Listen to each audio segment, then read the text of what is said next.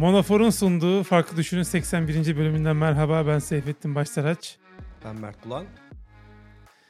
Ee, Mert nasılsın, nasıl gidiyor? Ee, Dünya Kupası var. Hiç futbol alakan yok biliyorum ama bugün Dünya Kupası'nı tabii ki de konuşacağız.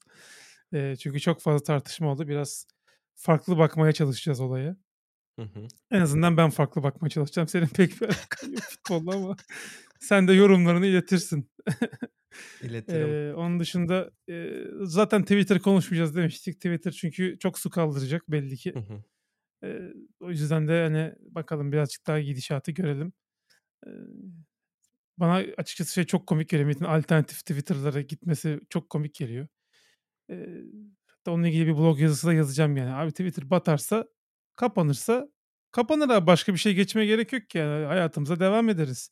Sanki şey yani. Elektrik, su gibi bir şey yani anladın mı? Hmm. Hani çok büyük bir Hmm. ihtiyaç değil. Eğer kendi medyumunu yine bir şekilde bulursun. insanlar bulurlar yani.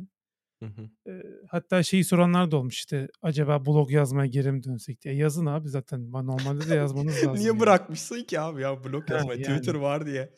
Yaz paylaş Yani, Twitter'da yani. Yani evet hakikaten öyle. Ya herkes şey zannediyor abi blogda yazılacak yazı. Burada bende de o var yani. Aslında yanlış yapıyoruz. E, blogu da Twitter gibi kullanabiliriz. E, tamam 140 karakter 240 karakter olmaz ama 3 paragraf 4 paragraf düşüncelerimizi mesela anlatabiliriz blogda. Sen de Hı mesela hı. ona çok yanaşmıyorsun söylemiştin geçen gün bana. Hı hı. E, ama aslında e, çok mikro Ya bloga da or- girmiyor. 3-4 paragraf bile bir yazı yani aslında baktığın zaman. oradaki sıkıntı şu. Başlık ne olacak? Ben onu mesela bir ara şey yapayım. Weeklog diye bir şey uydurmuştum kendi Hı kafamdan. hı. Öyle hani 140 karakterden hani haftanın 140 her bir şeyi 140 karakter gibisine kısa cümlelerle yazayım falan dedim. Ama o bile mesela gene şey oldu bıraktım yani hani. Niye? Çünkü ben istiyorum ki abi şey olsun mesela bu şeyde de var. The Social Network dizisinde de var. Mark Zuckerberg hani ilk bu işte Facebook'u yapmaya başlıyor ya. Orada hani şey yapıyor aslında bloguna yazıyor kendisi. Ama ne var orada mesela sadece bir tane text box var değil mi? Text box'a Evet. sadece yazıyorsun, publish et diyorsun, bitti yani o kadar. Şey yok yani işte bunun başlığı ne olsun, ondan Hı hı. sonra cover image'ı ne olsun. Şimdi sen bunu Ya atıyorum. Twitter'da nasıl paylaşacaksın? Paylaşamayacaksın. Çünkü niye işte URL ol- olacak mı mesela işte o yazdığın girdinin? Hani böyle bir sürü sıkıntısı var. Ondan dolayı açıkçası biraz yanaşmıyorum. Belki şey yapılabilir. Ee, dediğin gibi işte mesela işte 280 karaktere limitlersin. Blogda publish ettiğinde otomatik olarak onu Twitter'da da yazar gibisinden. Bu sayede Hı hani hı. aslında e, asıl kaynağın senin blogun olmuş olur. Blogunda da belki hani atıyorum e, kısa e, yazılarım ya da işte ne bileyim mikro, mikroblog diye bir tane sayfa eklersin. Hepsini de orada yaparsın. Belki öyle bir şeyler ya olabilir yani bilmiyorum işte, işte Yapılabilir. zamanım olacak önümüzdeki bu, bu haftadan sonra bayağı öyle bir şeyler entegre edebilirim. Onu ben mesela çok hoşuma gitmişti. Çünkü ben öyle update'leri paylaşmayı seviyorum yani. Atıyorum bir şey oluyor. İşte şu anda şunu şunu şunu yapıyorum deyip çat böyle gönder hemen. O, o benim hoşuma gidiyor. Ama işte dediğim gibi işte blog yazma olayı olunca işte şuna dikkat edeyim, şu olsun, işte başlığını işte SEO uyumlu yazman gerekiyor. Bazen işte ona kafa yormaya başlıyorsun işte. Ondan hı. sonra işte e, thumbnail image'ını bulman gerekiyor. e, vesaire hani bir sürü şeyle uğraşman gerekiyor. O yüzden hani böyle nasıl diyeyim zor sanki hani blog yazmak. Benim şu an blogumun altyapısında var o bu arada. Farklı tip content oluşturabiliyorum. Hatta review'ları falan farklı tip content olarak oluşturdum. Bir gizli hashtag diye bir şey var Ghost'ta. Onu kullanıyorum ve RSS feed'inde mesela sadece writing hashtag ile yazdığım şeyler Hmm. RSS feed'ine düşüyor. Ama diğer content tipleri için ayrı RSS feed'leri oluşturabiliyorum. Bu sayede de eee, aslında düzenli bir yapıya geçebilirim. Yani aslında çok kolay benim geçmem. Bir de comment sistemi de var her yazının altında. Hmm. Eee komento var ya aslında insanlar da yorum bırakabiliyorlar benim yazdığıma. Bir nevi kendi Twitter'ım gibi bir şey oluyor.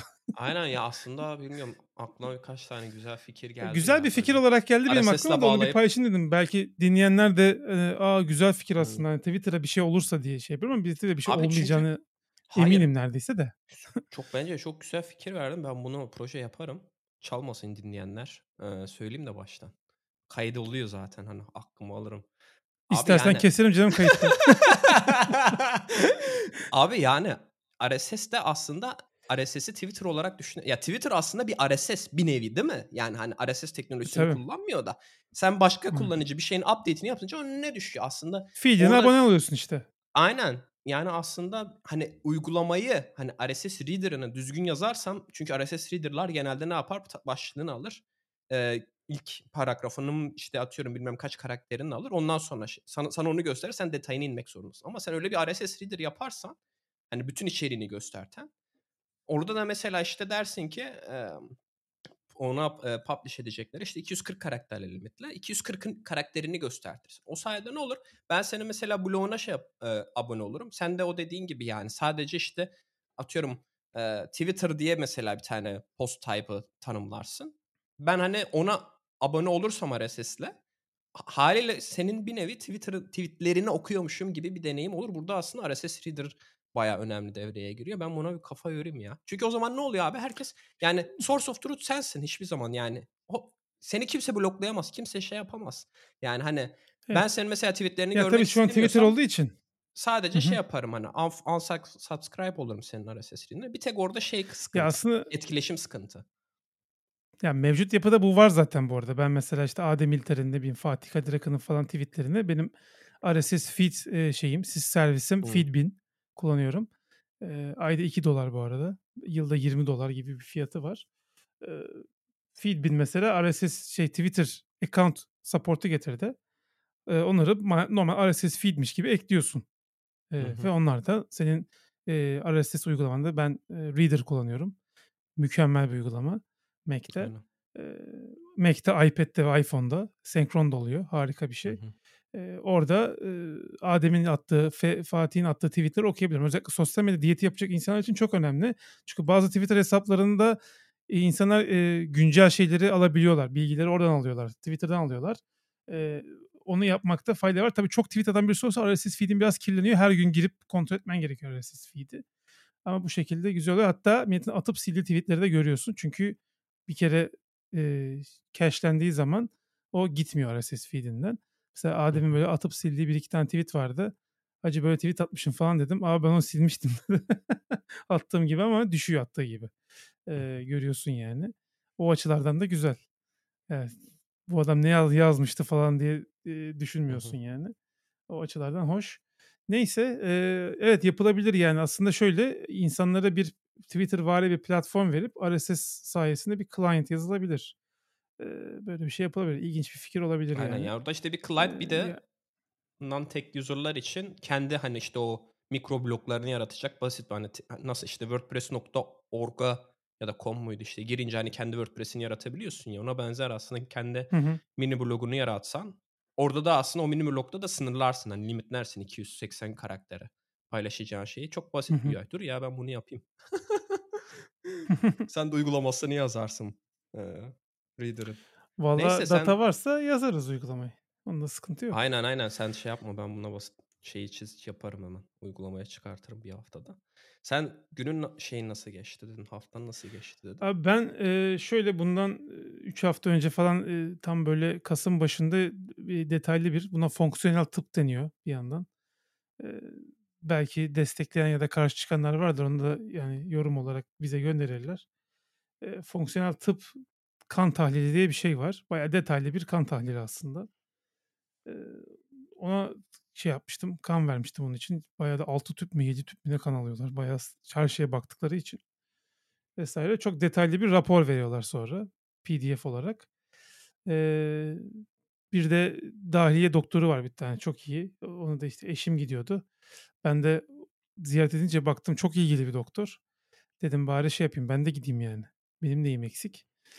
Eee, diyerekten ben de işte tahlil yaptırdım. Anca randevu bulabildim. Gittim doktora. Eee, 1,5 saat falan muayene etti bugün beni. Eee, sıkıntı olduğundan dolayı değil ama herkese öyle davranıyormuş zaten. Çok detaylı sorular soruyor. Eee, ne yiyorsun, ne içiyorsun, uyku düzenin nasıl, işte hayatta bir şikâyetin var mı, işte psikolojik travma var mı vs. Bayağı böyle bir şeye girdi yani. Detaya girdi. Eee, güzel de bir şey yaptı. Çok fazla bir şey yokmuş çok şükür yani bir eksikliğim yokmuş. Ufak tefek vitamin eksiklikleri var ama büyük manada değil. Yani destek, takviye gerekebilir dedi. Onları verdi. Eee ve özellikle işte hayatla ilgili tabii bayağı şey yapıyor işte, diyor ki yemek yerken bir şey seyretmeyeceksin, dinlemeyeceksin. Televizyon falan açık olmayacak. Sadece yemek yiyeceksin falan dedi. E, çünkü yemeğe odaklanıyorsun. Bir de, işte, her lokma 20 defa çiğneyeceksin ama 16'da falan yok oluyor abi ağzında Yani insanın ağız ve eee, diş yapısına göre değişiyor sanırım. Neyse, işte, yavaş yiyeceksin falan böyle 20 dakikada yiyeceksin yemeği öyle hızlı hızlı yemeyeceksin dedi.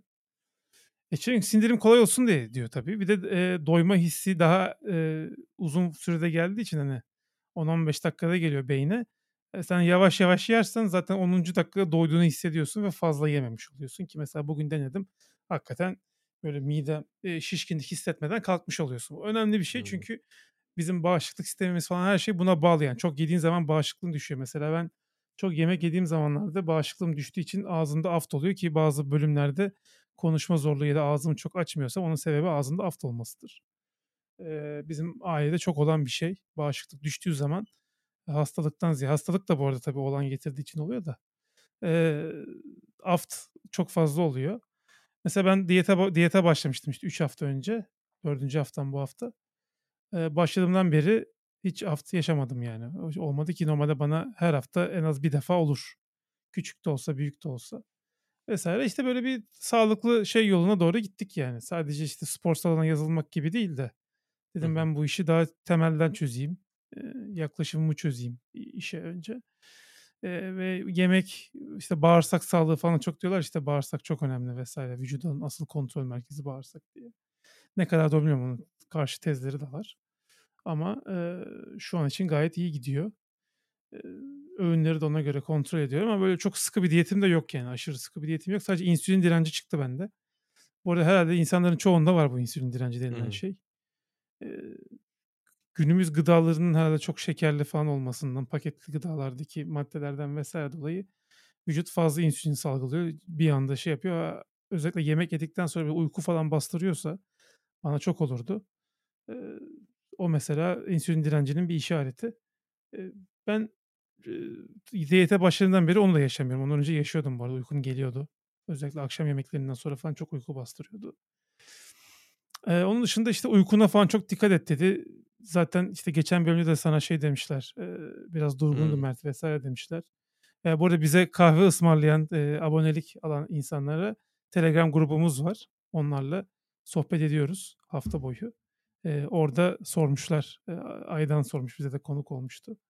Eee, bir durgunluk, bir sıkıntı mı var diye ama o sizin saatler değişti. Bir kış Aynen. saatine falan geçtiniz. Onun bir şeyi var değil mi? Bir de bizim Aynen. Call of Duty maçlarının Abi onunla da olabilir. Çünkü bende şöyle oluyor. Yani benim hani uyuma ve uyanma şeyim bayağı fikstir yani ve bu hani doğal olarak bir şekilde olur. İşte saat 12'de ben uyurum. Sabah işte önceden işte yazın falan böyle 7'de falan kalkıyordum otomatik hı. olarak. Hiç alarmsız falan. Alarmım genelde 8.30'a kuruludur benim.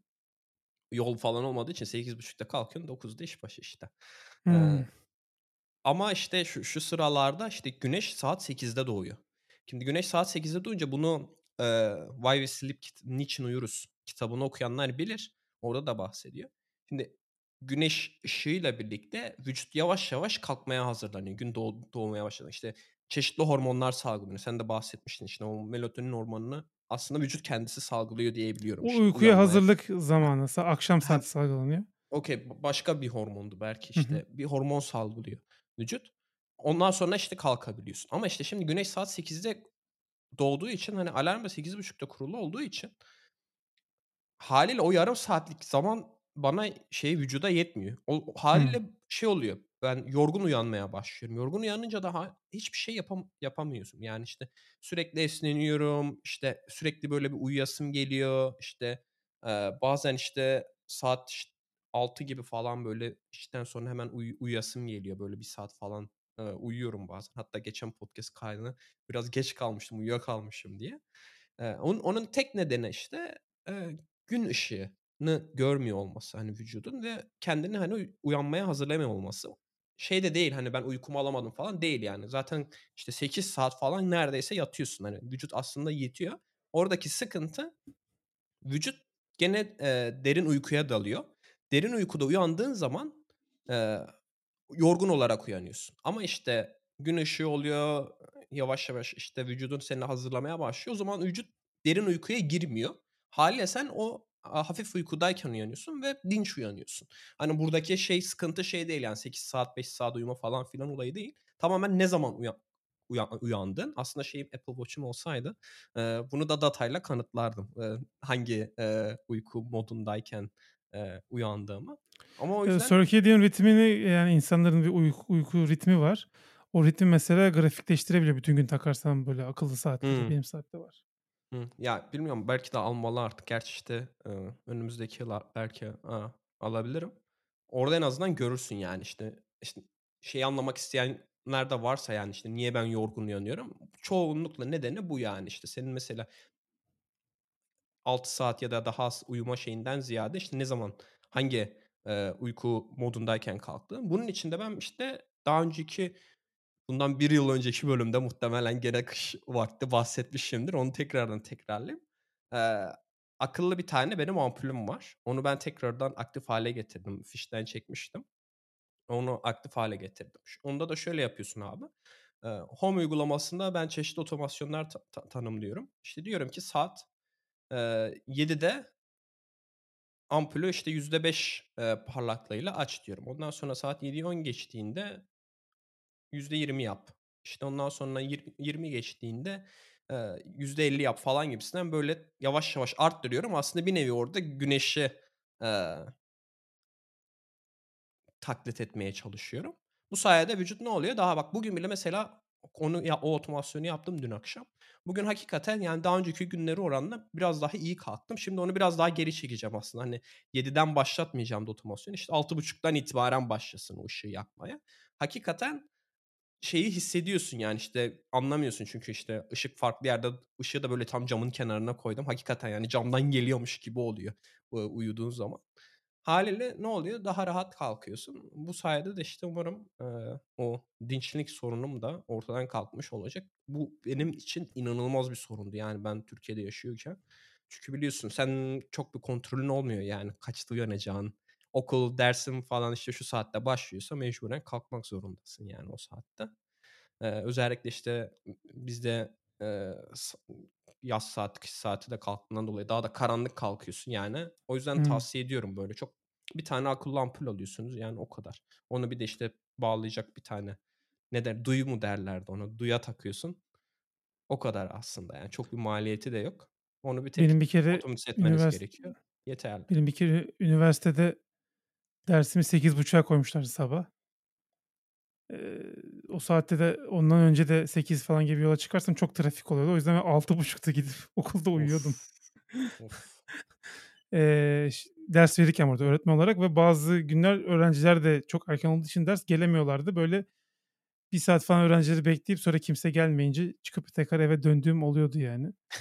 O yüzden üniversiteler lütfen saat 8.30'a ders koymayın. Eee, çok zor oluyor. ya.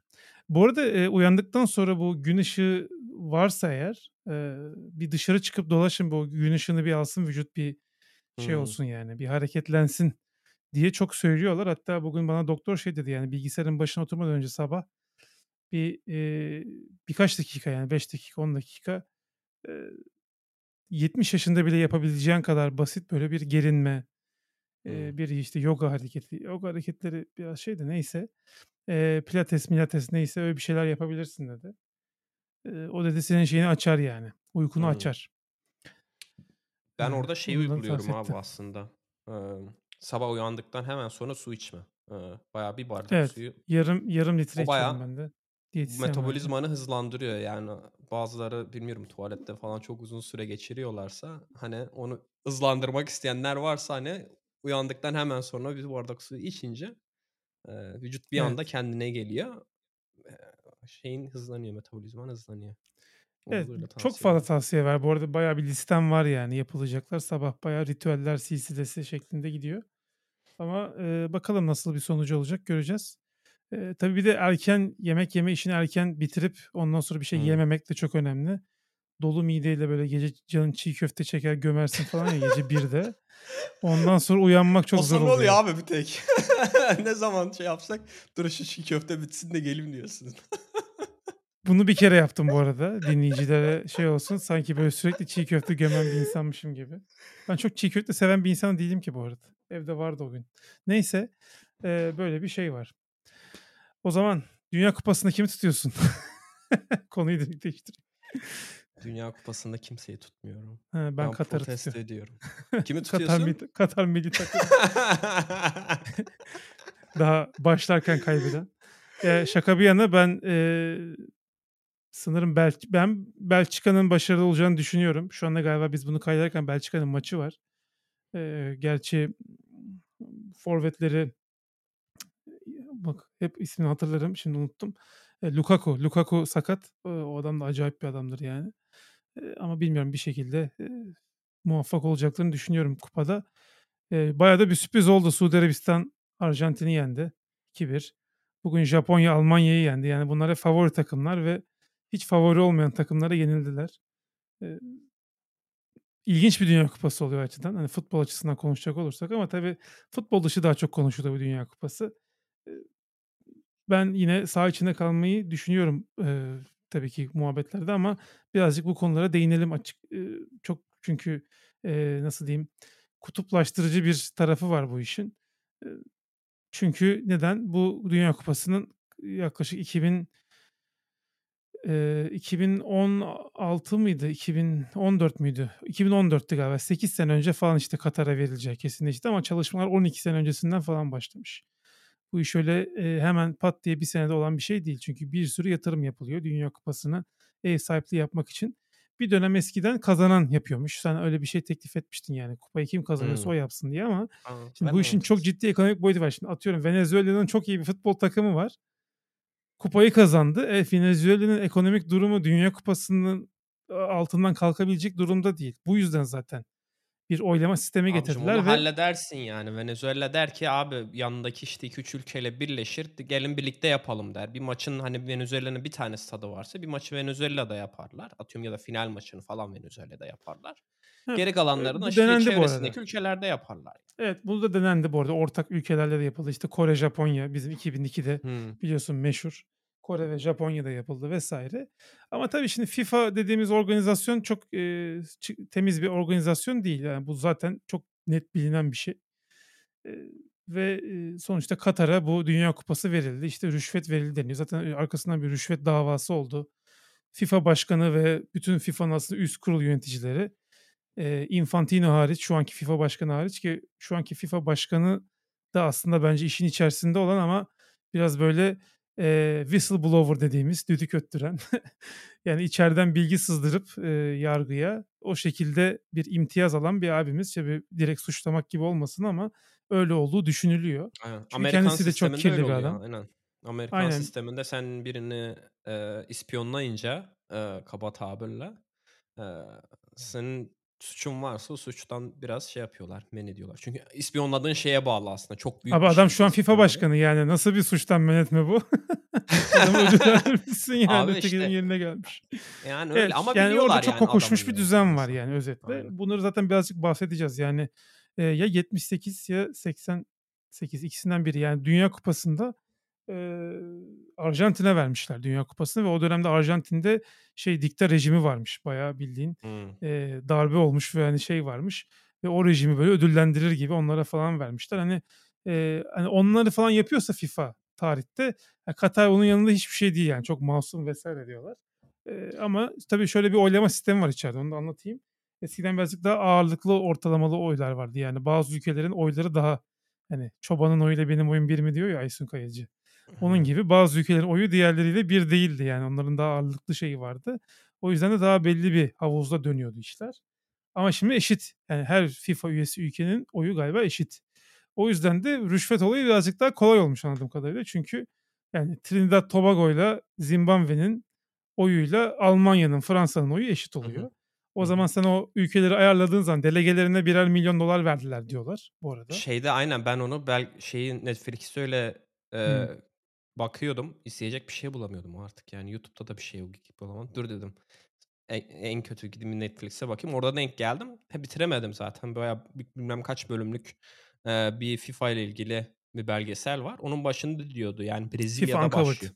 Hı hı. Aynen ilk başta herhâlde zamanında FIFA'nın başkanı İngiliz'miş de sonra, işte, bu Brezilyalı bir abimiz kafayı takmış. Çünkü anlamış yani politika tarafında da bayağı güçlenir diye. Afrika Tabii. ülkelerine gidip para vermiş bayağı, hani, onların oylarını alabilmek için. Öyle seçilmiş. Öyle başlamış ve öyle orada şey diyordu, "O adamın seçilmesiyle birlikte futbola kapitalizm geldi." diyordu. Hımm. Önceden, hani, bu kadar çok paraların falan döndüğü bir şey değildi.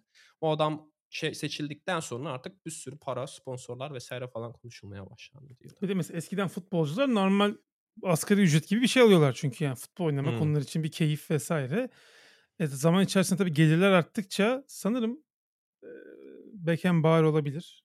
Tam şeyini bilmiyorum ama, orada bir şey yapıyor, ağırlığını koyuyor. Diyor ki ya bu kadar para dönüyorsa futbolcular da ondan payını alacak diyor. Ondan sonra işte bu yüz binlerce dolarlık bonservis ücretleri, eee, transfer ücretleri vs. o zaman, hani, futbolcular da kazanmaya başlıyor ve futbolculuk daha prestijli bir, meslek hâline geliyor. Şu an birçok çocuk futbolcu yani influencer olmak istemiyorsa futbolcu olmak istiyor. Çünkü, eee, çok çok küçük yaşta daha ergen yaşta diyebileceğimiz yaşlarda milyonlarca euro para kazanabiliyorsun eğer yetenekliysen, başarılıysan. E, bu kadar para kazanılıyorsa abi niye bütün kulüpler borçta? Eee, ya, şimdi kulüpler borçta derken şöyle bir durum var. Eee piyasa çok hızlı yükseldi. Bir kere öyle bir durum var. Yani eskiden mesela böyle çok yıldız futbolcu transferi €10.000.000, €15.000.000 falansa maksimum şu an €200.000.000'ya oyuncu alıyorlar. Tamam mı? Çünkü pasta büyüdü, Ciddi yani misin? şey büyüdü tabii gelirler büyüdü, pasta büyüdü. Öyle olunca o fiyatlara çıktı. Çünkü abi şimdi mesela adam atıyorum Cristio Ro Cristiano Ronaldo'yu transfer ediyor. Mesela Real Madrid alıyor. Şimdi Real Madrid aldığı zaman atıyorum işte o zaman tabii çok yüksek bir para vermediler de şimdi satılsa, eee, yani bu zamanki piyasaya göre genç Ronaldo satılsa belki €200.000.000 falan edecek ama adam onu sattığı zaman te Afrika'daki, Tanzanya'daki çocuklara bile onun formasını satıyor bir şekilde. Çakmasını satıyor, bilmem nesini satıyor. O çocuk para kazanınca, büyüyünce orijinalini alıyor falan. Ya, tüm dünyayı böyle yani mesela Real Madrid dediğin kulüp bu kadar da başarılı olduğu için aslında Japonya'dan tut Amerika'nın batısına kadar bir sürü taraftarı olan bir kulüp. Hâlbuki İspanya'da kralın kurduğu, eee, bir kulüp yani Real Tacı Real var varsa zaten babasının. Real varsa başında zaten kra kraliyetin takımı demek. İşte, eee, Real Valladolid falan gibi şeyler de var. Hep krallığa bağlı takımlar oluyor onlar ve, eee, bu pa pasta büyüdüğü için, pazar büyüdüğü için ve seyredildiği için de paralar da ona göre büyüyor. Sponsorluk bedelleri de tabii ona göre büyüyor. Yani şimdi şöyle de durumlar da var. Şimdi futbolcu sadece kulübünden para almıyor. Mesela bir Hımm. futbolcuya diyorlar ki sana ayda £7.000.000 şey yılda £7.000.000 para verelim. Sonra şey diyor ki Puma geliyor diyor ki bak diyor sen Nike'la çalışıyorsun. Biz sana £3.000.000 cebine para atalım. Bir de yılda £2.000.000 da sana para verelim. Sen gel Puma'nın reklam yüzü ol. Bu Hımm. sefer bir sürü insanın, eee, hayran olduğu, idol olarak Ona izin veriyorlar mı? Atıyorum Tabii, tabii izin var. Adidas normalde, hani, Abi Adidas Cristiano. Ronaldo televizyonda kepek önleyici şampuan reklamında oynuyor Clear'da yani, eee, Ya, hayır, anladın onu anladım da atıyorum şeyi anlamında mesela, işte, atıyorum Arsenal'da oynuyorsun, Arsenal'ın şeyi, forması Nike. At atıyorum Puma gidip Var. alabiliyor İzin var mu? ona. Var, Hımm. izin var. İzin var. Eee, en azından mesela kramponunu falan mesela Puma kullanıyor. Ona özel seri çıkartıyorlar. O anlaşmalar tabii değişiyor ama orada da mesela kulüp seçerken de futbolcuların hangi anlaşmalı olduğu firmanın forması yapılıyorsa mesela orayı tercih etme durumu falan da oluyor. Yani burada bayağı çok büyük bir ekonomi dönüyor ve, eee, bunun bu kadar büyük olmasının sebebi de dünyanın en popüler sporu olması. Açık ara yani. By far. Yani mesela 2'nci spor diyebileceğimiz, Türkiye'de 2'nci spor diyebileceğimiz basketbolda, eee, Euroleague Avrupa'nın en büyük ligi, Şampiyonlar Ligi Avrupa'nın. Euroleague'i kazanıyorsun abi €2.000.000 mu ne bir para geliyor kulübe yani. Abi bu ne yani? Hımm. Şeyde zaten bir maç oynasan €2.000.000 alıyorsun. Maçı oynaman yeterli yani Şampiyonlar Ligi'nde. Yani şeyler çok alakasız astronomik yani futbolda. O yüzden de tabii bu pasta büyük olunca futbolcular da bunu talep ediyorlar. Eee, mesela NBA de bu şekilde. NBA'deki basketbolcular da çok iyi para kazanıyor. Çünkü çok seyrediliyor. Çünkü çok iyi pazarlanıyor. Çok iyi pazarlanan bir organizasyon NBA. Yani NBA bu kadar popüler değildi eskiden. Eee, ama zaman içerisinde yani ben hatırlıyorum hâlâ daha da var yani arkadaşlar. Adam 4'te kalkıyor gidiyor işte. Milwaukee, Brooklyn maçını seyrediyor. Abi sen ne Milwaukee'yi gördün ne Brooklyn'i gördün. Senin ne işin var abi Ben de onu gecenin soracaktım 4'ünde? abi, yani. Şimdi böyle bir sistem var. Sahura kalk desen kalkmaz abi adam. Ne biçim şey ya? Böyle bir sistem var abi. Benim bundan kazancım ne? Yani atıyorum futbolcusu milyon dolar kazanıyor. İşte sponsorlar para sat, ürün satıyor oradan kazanıyor. Kulüp kazanıyor. Hani sistem bütün herkes kazanıyor. Bir, bir izleyici olarak benim ne kazancım var yani bu sistem. Abi bu şimdi şöyle bir durum var. Şimdi birincisi zaten homo ludens diyoruz ya insan oyun oynayan bir varlık. Onu biliyoruz zaten ve e, özellikle böyle oyun seyretmek, başkalarının oyununu seyretmek insanlara keyif veriyor. Bunu nereden biliyoruz? İşte Twitch'ten biliyoruz yani. Dünyanın en saçma şeyi değil mi? Kağıt üzerine baktığın zaman bilgisayarına yüklü olan bir oyunu başkalarının oynamasını seyretmek, onu oynamak yerine müthiş saçmalık geliyor. Yani kağıt üzerinde baktığın zaman öyle. Ama işte oyunu iyi oynayan insanın yaptığı hareketleri, eee, işte hangi duruma karşı nasıl davrandığını, onun muhabbeti vesaire insanları çekiyor, cezbediyor. Aynı şey futbol için de geçerli. Yani sen orada o oyunu top seviyede oynayan adamlara yani o seviyeye gelmek kolay bir şey değil. Çünkü o seviyede olmayan adamlar zaten ikinci, üçüncü ligde oynuyorlar. Ama üst liglerde işte Türkiye'deki büyük takımlarda, Avrupa'daki büyük takımlarda büyük organizasyonlar oynayan oyuncular belli bir kalitenin üzerinde ve o insanları seyretmek çok büyük bir keyif. Özellikle böyle star dediğimiz oyuncular çok ciddi izleyici kitlesi çekiyor. İşte Messi, Ronaldo değil mi? Bunların bir de kapışması var. Kimileri Messi'ci, kimisi Ronaldo'cu. Ee, işte Messi daha iyi, en iyisi Messi diyorlar, en iyisi Ronaldo diyorlar. Sırf bu rekabet bile bir yere ait olma hissi insanlara çok fazla olan bir şey. Bunu Emrah Safa Gürkan'ın kitabında da anlatıyordu yani bir kabilecilik var insanlarda bir gruba ait hissetme. Ee, bunu e, çok sık görüyoruz. İnsanlar hep bir kendilerine bir kimlik arıyorlar. Ben şucuyum, ben bucuyum, ben Apple'cıyım mesela. Yani senin tarafında da var mesela aslında bu. Sen çünkü orada bir kitleye kendini Apple kullanıcıları kitlesine sokuyorsun. Ee, bu da yani e, spor tarafında da var yani. İşte ben Fenerbahçeliyim, ben Galatasaraylıyım. Biz işte şöyleyiz, siz böylesiniz. Böyle bir şey var yani gruplaşma ihtiyacı var ve tuttuğun grubun, kendine ait hissettiğin grubun başarısını seyretmek de büyük keyif veriyor. O yüzden mesela atıyorum e, bir takım çok iyi gidiyorsa onun taraftarları daha fazla ilgileniyor, seyrediyorlar. İşte e, ben mesela birçok arkadaşımın Galatasaraylı olduğunu, şampiyon olduğunu öğreniyorum. Aa bu herif Galatasaraylıymış diyorum. Meğersem bütün maçlarını seyretmiş o sene. Niye? Çünkü iyi gidiyor. Şampiyon olma ihtimali var vesaire. Hep bunun işte seyirci çeken şeyler vesaire. Ama tabii yani benim bir yandan da gördüğüm en korrupt, en kirlenmiş, en kokuşmuş düzenlerden bir tanesi. Çünkü bu işin içerisinde bir çok ciddi para olduğu için Bahis var. e, maç Evet. alıp satma işleri var bir kere. E, işte özellikle mesela böyle dar gelirli Afrika e, kabilesinden çıkmış adam mesela futbolcu olmuş. Böyle bütün kabileye o bakıyor falan. Adama diyorlar ki ya sen bu maçta biraz yavaş koş. Ondan sonra biz sana işte şu kadar şey yapalım ya da işte bu köye bir şeyler yaptıralım. Yani Hmm. ille direkt adamın banka hesabına money transfer olmaz. O zaten yakalanır yani. Ya da gel senin seneye bize transfer edelim. O da olabilir. Daha iyi bir kulüptür. E, vesaire. Ve bu Türkiye'de mesela çok olmuş bir şey. O işte 90'larda özellikle bu işte Zalatlı falan 8-0 yenmesi gerekiyor Galatasaray'ın bir takımı. 8-0 yeniyor yani. Hani, hani 8-0 lazım 8-0 bitiyor maç falan. 9 Kaleci, bu, bari. kaleci böyle geç atlıyor falan topları. Ay kaçırdım falan yapıyor. Diye anlatırlar. Ben bu arada seyretmedim maçı bu arada. Yani itham etmiş olmayayım. Belki de yanlıştır. Ee, işte Türkiye'de yine 3 Temmuz davası oldu. Onun da bir sürü nüansı vesairesi var. Ben çok yakın takip ettim o davayı. Çok orada bir Fenerbahçe'de olduğum için tabii öyle düşünüyorum da bir şike vesaire olduğunu düşünmüyorum. Maçları da seyrettiğim için de biliyorum zaten. Neyse çok karışık konular ve çok aslında nasıl diyeyim farklı tarafların olduğu konular. O yüzden de çok tartışmaya açık konular. O yüzden bir şey demek istemiyorum. Fazla fazla bir şey söylemek istemiyorum ama çok kokuşmuş bir şey. Bir de üzerine bahis var senin söylediğin gibi. O daha da fena. Hı. Eee, çünkü mesela diyorsun ki ya bu takım kesin kazanır diyorsun. Bir bakıyorsun 90 artı 6'da yediği golle mağlup olmuş falan. Hadi bütün kuponlar yatıyor. Bu sefer ne bahis şirketi oradan topladığı paraları hop havuzunda tutuyor. Niye? Çünkü kuponlar battı vesaire. E şimdi bu da girince tabii futbolu kirletiyorlar. Kirletmiş oluyorlar. E bir de işte menajer mevzusu var. İşte futbolcular genç yaşta oldukları için kendilerini Hmm. yönetemiyorlar. Bir menajer tutuyorlar. Bu menajer diyor ki işte ben size bu futbolcuyu getiririm, ikna ederim, hallederim. Buna diyorlar işte 6 verirsiniz. Bana da işte 2 verirsiniz falan. 2 milyon euro da böyle şey yapıyor. Mis gibi Biraz böyle paradan. tam Türkiye'de hoşlanmadığımız bazı meslekler gibi müthiş komisyonculuk. Ya da mesela ya da mesela şöyle diyor daha kötüsünü söyleyeyim sana.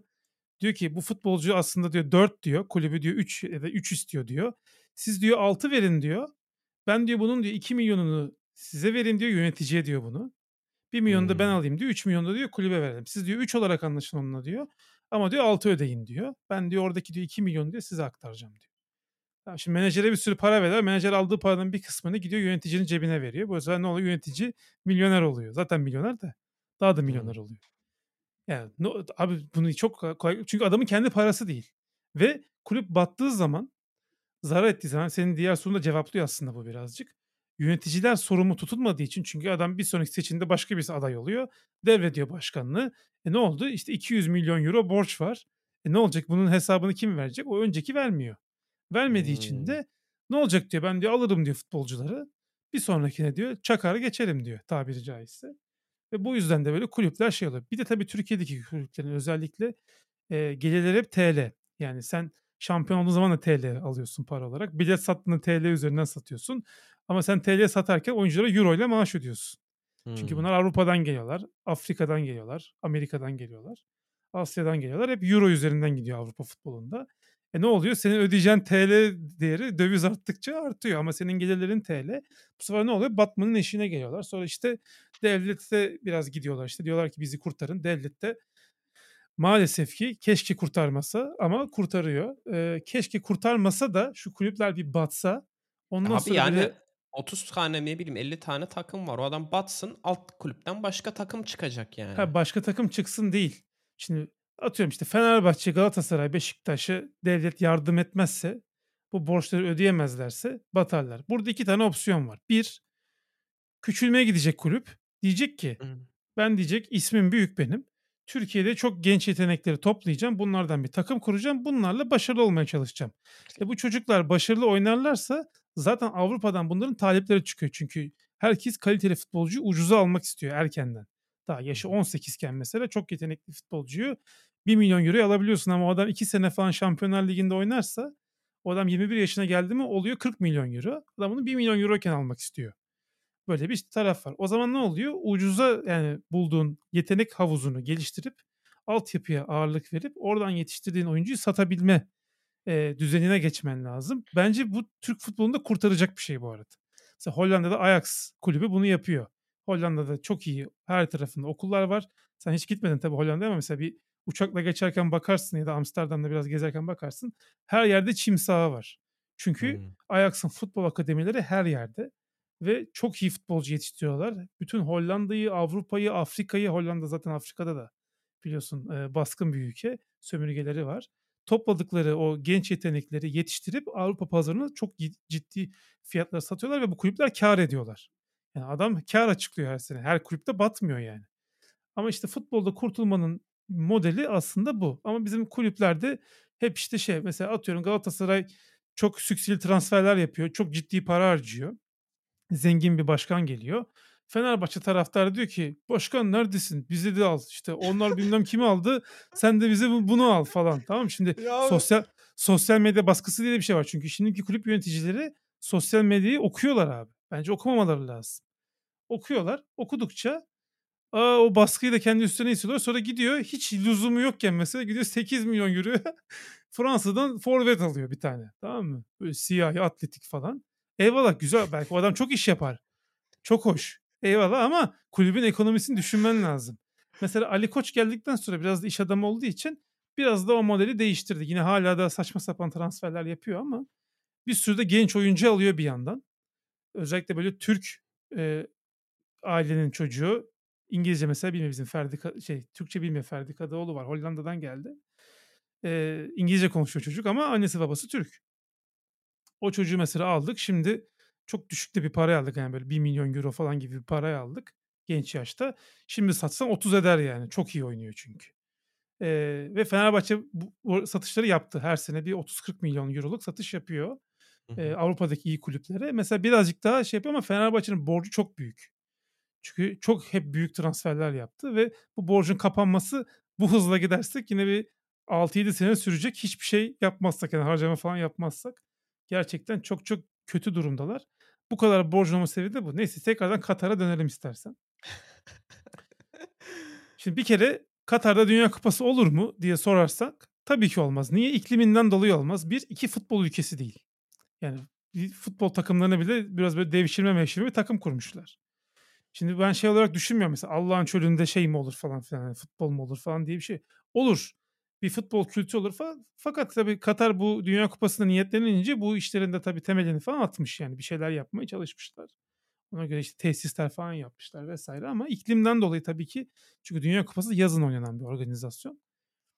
Ee, ve yazın Katar'da biliyorsun yani biraz dışarıda dursan direkt hastaneye kaldırıyorlar. İnme 50 derece falanmış yani. 50 yazın. derece bir de hissedilen daha da fazladır. Ee, e, tabii ki de yani mantıklı olarak Katar'a verilmemesi lazım baştan. Ama sen bunu verdin. Nasıl verdin? E, çünkü iki yüzlüsün. Yani para göz bir toplumsun şey. E, sadece FIFA olarak söylemiyorum ben.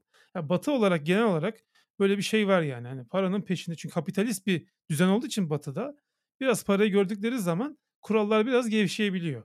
E, bu Sony vs Microsoft'ta da konuşursak ona da geleceğiz yani. Onda da be- benzer şeyler var. E, ve bence Katarlar bunu çok iyi kullandılar yani. Ben benim bakış açım birazcık ona. Şu an ben yani şu an bence Katar açısından win-win bir durum var. Birincisi güzel bir organizasyon yapıyorlar kendi ülkelerinde. Normalde hiç olmayacak bir organizasyon. Hani rüşvet vermeseler kimsenin vermeyeceği bir organizasyon dediğim sebeplerden dolayı. Katar'ı sevmedikleri için değil. Futbol ülkesi olmaması ve ikliminden dolayı olmayacak bir şey. Etkinliği aldılar. Bu arada 200 milyar dolar gibi bir para, 300 milyar dolar mı para harcamışlar. Yeni bir şehir yapmışlar. Oteller, kültür merkezleri, statlar vesaire. O iş, inşaat tarafına da geleceğiz. Şey yapmışlar ve şu an bütün dünyaya bana sorarsan Avrupa'nın, Batı'nın iki yüzlülüğünü çok net bir şekilde gösteriyorlar. Aynı zamanda para gözlülüğünü de gösteriyorlar. Yani koskoca FIFA başkanı e, İsviçre'de doğmuş büyümüş İsviçreli Hristiyan adam çıkıyor diyor ki 3 saat diyor bira içmezseler bir şey olmaz diyor mesela. Bunu dedirtebiliyorlar adama. Çünkü işte bu adamlar o kadar para göz ve iki yüzlü herifler ki kendi değerlerinden bile vazgeçebiliyorlar. Ve kurtulamıyorsun bu adamlardan. Yani öyle bir sistem var ki hani bu sadece hani FIFA'da var. Hani FIFA'da var değil yani sadece işte sen bunu FIFA'da görüyorsun. Politikacılarda da var yani hani bunlar hani işte sıkıntı öyle bir yoldan yapıyorlar ki bunu. Yani bir de hukuk sistemi burada farklı yani. Kanıtlaman gerekiyor. Yani hakikaten böyle gidip onun atıyorum para aldıysa mesela hani onun dekontunu falan bulman gerekiyor ki bak bu adam Hı. parayı aldı gibi şey yapabilesin ya da işte konuşma kaydı Evet. vesaire bir şeyler olması gerekiyor. Aynı şeyi politikacılar da yapıyor yani burada. En üst kısım abi yani burada hani şey yok mesela. Atıyorum devlet dairesine gittiğinde hani ya şu 200 euroyu al benim kalıcı oturum iznini ver olayını imkanı yok yaptıramazsın. Yani mümkün değil yaptıramazsın. Burada baklava seni falan istiyorlar. Şurada bir baklavacı var. Güzel baklava yapıyor. Biraz baklava getir falan Ama diyor. ama ama abi en üst kademeye çıktığın an yani atıyorum bunda mesela şey bile e, şansölye falan filan ol işte. Almanya'nın eski şansölyesiydi yanlış hatırlamıyorsam. Adam şey. Rus Rusya enerji şirketinde danışmanlık vermeye başlıyor. Yani bariz belli abi yani adam hani zamanında siz şeyi nasıl kitlediyse ülkeyi Rusya gazı nasıl kitlediyse hani en üst seviyede inanılmaz corruption var. İşte FIFA'da da var ama işte kurtulamıyorsun abi. Ben de bunu anlamıyorum. Yani bir türlü kurtulamıyorsun bu tarz Ya şunu demeye çalışıyorum ben. Şimdi modern ve medeni bir ülke, bir toplumda şu olurdu. Bir basın açıklaması yapardın. Derdin ki Katar'ın delegelere şu kadar rüşvet teklif ettiğini, FIFA'ya da bu kadar rüşvet teklif ettiğini Heh. tespit ettik. Hı. Bundan sonra Katar 40 yıl boyunca bütün FIFA organizasyonlarından men edilmiştir dersin. Tamam mı? O zaman millet der ki ulan bu heriflere bak bu kadar rüşvet verilmiş vay anasını herifler bir kuruşunu Hı. almamışlar. Bir anda güvenilir bir kurum haline gelirsin. Tamam mı? Ondan Tabii. sonra kimse senin Dünya Kupası ülkesi seçimlerini sorgulayamaz. Ama sen bunu yapmıyorsun. Kimse sen teklif diyorsun? de Oh edemez gelsin. sana. Benzer parayı bir daha teklif bile edemez. Ya Korkudan. para aldın ortaya çıktı yine iptal edemedin. Niye? Çünkü Katar bir sürü yatırım yaptı. Seni sözleşmeye bağladı. Vazgeçilemez bir şeyler vesaire olmuştur muhtemelen. Zaten öyle kolay şeyler değil bunlar. Ee, her ne kadar Rusya yapabildilerse ona da geleceğim zaten. Ee, bunu kabul ettiler ve şu an Katar mesela diyor ki kardeşim işte alkol tüketmek belli alanlar VIP bilet alanlar dışında yasak işte fan alanlar dışında yasak. şeyi. Ondan sonra işte otelde mesela iki erkek aynı odayı tutamaz diyor. Ee, işte evli değillerse çiftler tutamaz falan gibi böyle kurallar getirdiler ve bunları son hafta söylediler. Hmm. Ee, otelde öyle değil ama alkol konusunda böyle söylediler. Adam da çıktı dedi ki 3 saat alkol içmeseler ölmezler dedi. Çünkü niye abi? İki yüzlüsünüz. Ve bence Katar bunu tüm dünyaya gösterdiği için tabii bunu bu şekilde bakmıyor insanlar. özellikle Türkiye'de çok ciddi bir Arap nefreti olduğu için hep suçu Katar'a atıyorlar ama bence Katar'ın burada hiçbir suçu yok. Olması gereken benim söylediğim senaryoydu. Suçu başta yani. Rüşvet teklif etmesi. O anda Ya bu şey gibi geliyor. Benim aklıma hep o örnek gelir. İşte atıyorum evli bir çift vardır. Adam, eşini aldatır. Eşi işte gidip o adamı işte ne bileyim başka bir kadınla yakalar. Kadın eşini suçlamak yerine gidip o kadını suçlar. Ha, Hani yani. aslında benzer örnek değil mi? Kocama ayarttın kad- falan. Aynen. Ulan manyak. Kadın istediğini yapar yani. Sana ne yani? Hani senin Hı. orada hani sorumlu olduğun kişi yani eşin Evet. yani. Git eşini suçla yani. Aynen öyle. Benzer durum. O yüzden bu saatten sonra yapılan çünkü Katar geçen sene bu olaylara karşı olan bir ülke değil. Bu olay geçen sene başlamadı. Katar kurulduğu günden bu yana zaten bu değerlere sahip bir topluluk, bir toplum. Ve bunun böyle olacağını zaten biliyorsun. Çünkü orada zaten eşcinsellerin falan yaşaması mümkün değil. Ya Zaten yaşayamıyorlardı. bence abi oradaki sıkıntı şu. Millet Katar diye belki bir yerin şeyinden bir haberdardı. Yani işte böyle bir ülke mi varmış falan. Ondan sonra ülkeyi de diyorsun. Aa bak böyle böyle şeyleri varmış. Hani bazı ülkeler yani futbolu takip edenler biliyordur zaten. İşte Katar muhtemelen birçok formanın sponsoru yani Evet. Barcelona'nın Katar Airways. şeyin Evet. spon- onlar da mesela ayrı bir şey. Yani Barcelona'da ben zamanda takip ediyordum. Yani UNICEF'i koyuyorlardı formalarına. Adamlar nasıl bir parayı yedilerse artık Katar'ı koymaya Abi başladılar ba- ya kapitalist dünyada ya zaten böyle paralara karşı koymak para her kilidi açıyor abi kapitalist dünyada. Bu yani özetle. Ama işte orada şeyi bekliyorsun. Biraz ilkeli olmasını bekliyorsun. Bence insanların biraz Bence biraz şöyle düşündüler. konunun Dediler ki biraz daha Heh, biz biz Katar'ı yumuşatırız diye düşündüler. İlk başta dediler ki tamam böyle böyle kurallar var ama biz bir şekilde hani force ederiz, şey yaparız. Sonra para tatlı geldi. Sonra dediler ki mesela şey dedi ki biz işte gökkuşağı renkli kol bandıyla çıkacağız. İngiltere öyle dedi. gökkuşağı değil onun renklerine de ben baktım yani. Atıyorum siyah da var orada, yeşil falan da var yani gökkuşağı renkleri değil. Ama, Ama yani amaç Love işte orada oradaki olay Van- şey amaç orada yani herkesi şeye ten- Aynen. getirmek yani. Ondan Sevgi, sonra kardeşlik Katar dedi ki tanımlamış. wow wow wow haram dedi. Tamam mı? Ondan sonra e, sonra dediler ki e, FIFA bak böyle diyorlar falan dediler. FIFA dedi ki takmayacaksınız kardeşim. Ha Hmm. işte bak ne oldu? Tasmayı bağladım FIFA'ya. Bunu yapabildiği için ben o yüzden Katar'a saygı duyuyorum. Ve tabii ki de 300 milyar dolar böyle bir organizasyona harcayacak parası olduğu için vesaire. Ve Katar'ın da şöyle bir durum var. Şimdi Dubai özellikle turizm açısından tam bir böyle bir merkez oldu. Emirates Hava Yolları vesaire de var. Avrupa'dan Amerika'dan uçmak çok kolay ve Dubai tam böyle bir alışveriş merkezi, iş merkezi vesaire e, haline geldi. Tam böyle bir e, Orta Doğu'da çölün ortasında bir batı şehri gibi takılıyor Dubai. Ve e, tabii ki diğer şeylerde, ülkelerde buradaki şeyi istiyorlar. Trafiğin bir kısmını istiyorlar. O yüzden Katar'ın da turizm anlamında bir reklam yapması lazım. Ve Dünya Kupası'nda e, bir sürü otel ihtiyacı vesaire oluyor. Yeni şehirler vesaire yapıyorlar. Muhtemelen oraları böyle shopping center'a falan çevirecekler sonradan. Yani oraya bir mini bir Dubai gibi yapıyorlar. Yoksa 300 milyar dolar abi yani bir kupa için yapılabilecek bir harcama değil zaten. Çünkü kupa bir kere olacak. 60 sene bir daha Katar'a kupa vermiş. Belki hiç vermeyecekler. Bilmiyoruz. Eee bu açılardan da şey var yani. Ama işte şimdi şeyi düşünüyorsun. Katar'ın da bir avantajı var. Bir e, PR avantajı var ve e, ben mesela şeyi hiç anlamıyorum. Yani e, bu arada hakikaten yani o çöl iklimini vesaire çok güzel şey yapıyorlar. e, tanıtıyorlar, şey yapıyorlar. Ben hoşuma gidiyor yani. İşte dini tarafı da var bu işin. Dini şeyleri de tanıtıyorlar. İşte hadisi şerifleri İngilizce çevirip bütün statların dışına falan asmışlar böyle güzel sözler falan yapmışlar. Bazı insanların Müslüman olduğu falan söyleniyor. Böyle, böyle bir tarafı da var yani. Tabii ki de 300 milyar dolar etmez onu söyleyeyim baştan da yani. Bunun için harcamamışlardır ama yani Katar açısından bakıyorum. Katar açısından böyle bir durum var. Hem dünyaya kendisini konuşturdu, hem kendisini kabul ettirdi, hem hiç futbol oynanmayacak bir iklimde insanlara futbol oynattı. Bak kışın, dünyada ilk defa kışın yani bak Dünya Kupası'nın skeci bütün liglerin takvimini değiştirdiler. Dünyadaki bütün liglerin takvimi Katar para verdi diye değişti. Normalde yazın oynanıyor bu kupa. Ligler bittikten sonra oynanıyor. Tam liglerin ortasında durdu maçlar, kulüp maçları. Şu an Dünya Kupası oynuyor. Bitince kulüp maçları devam edecek. Böyle bir düzen değişikliği bile oldu yani. Ya işte bunun tamamen şey işte dediğim gibi Batı'da para bütün kapıları açıyor. Bunu çok güzel gösterdikleri için ben eee, Katar'a bir birazcık sempati duyuyorum. Çünkü bunun birazcık görülme ihtiyacı vardı. Batılılar falan mesela anlamıyorlar. "Ya, böyle bir şey nasıl olur?" falan diye. Ki buradan aslında ikinci tarafa, protesto ve boykot tarafına geleceğim.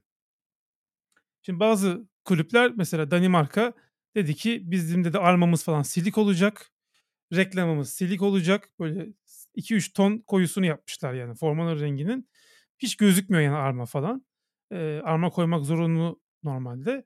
İşte koyduk demek için aynı tonda böyle arma falan yapmışlar. Niye? İşte bu LGBT karşıtlığını falan protesto ediyoruz diye. Orada kim protesto ettiyse puan kaybetti İngiltere hariç. O da ayrı bir mevzu yani sağ dışıyla ilgilendikleri için de biraz. Neyse. E şimdi okay, temel insan hakları diyorlar. Ona da okay vesaire. E 4 sene önce bu kupa nerede yapıldı?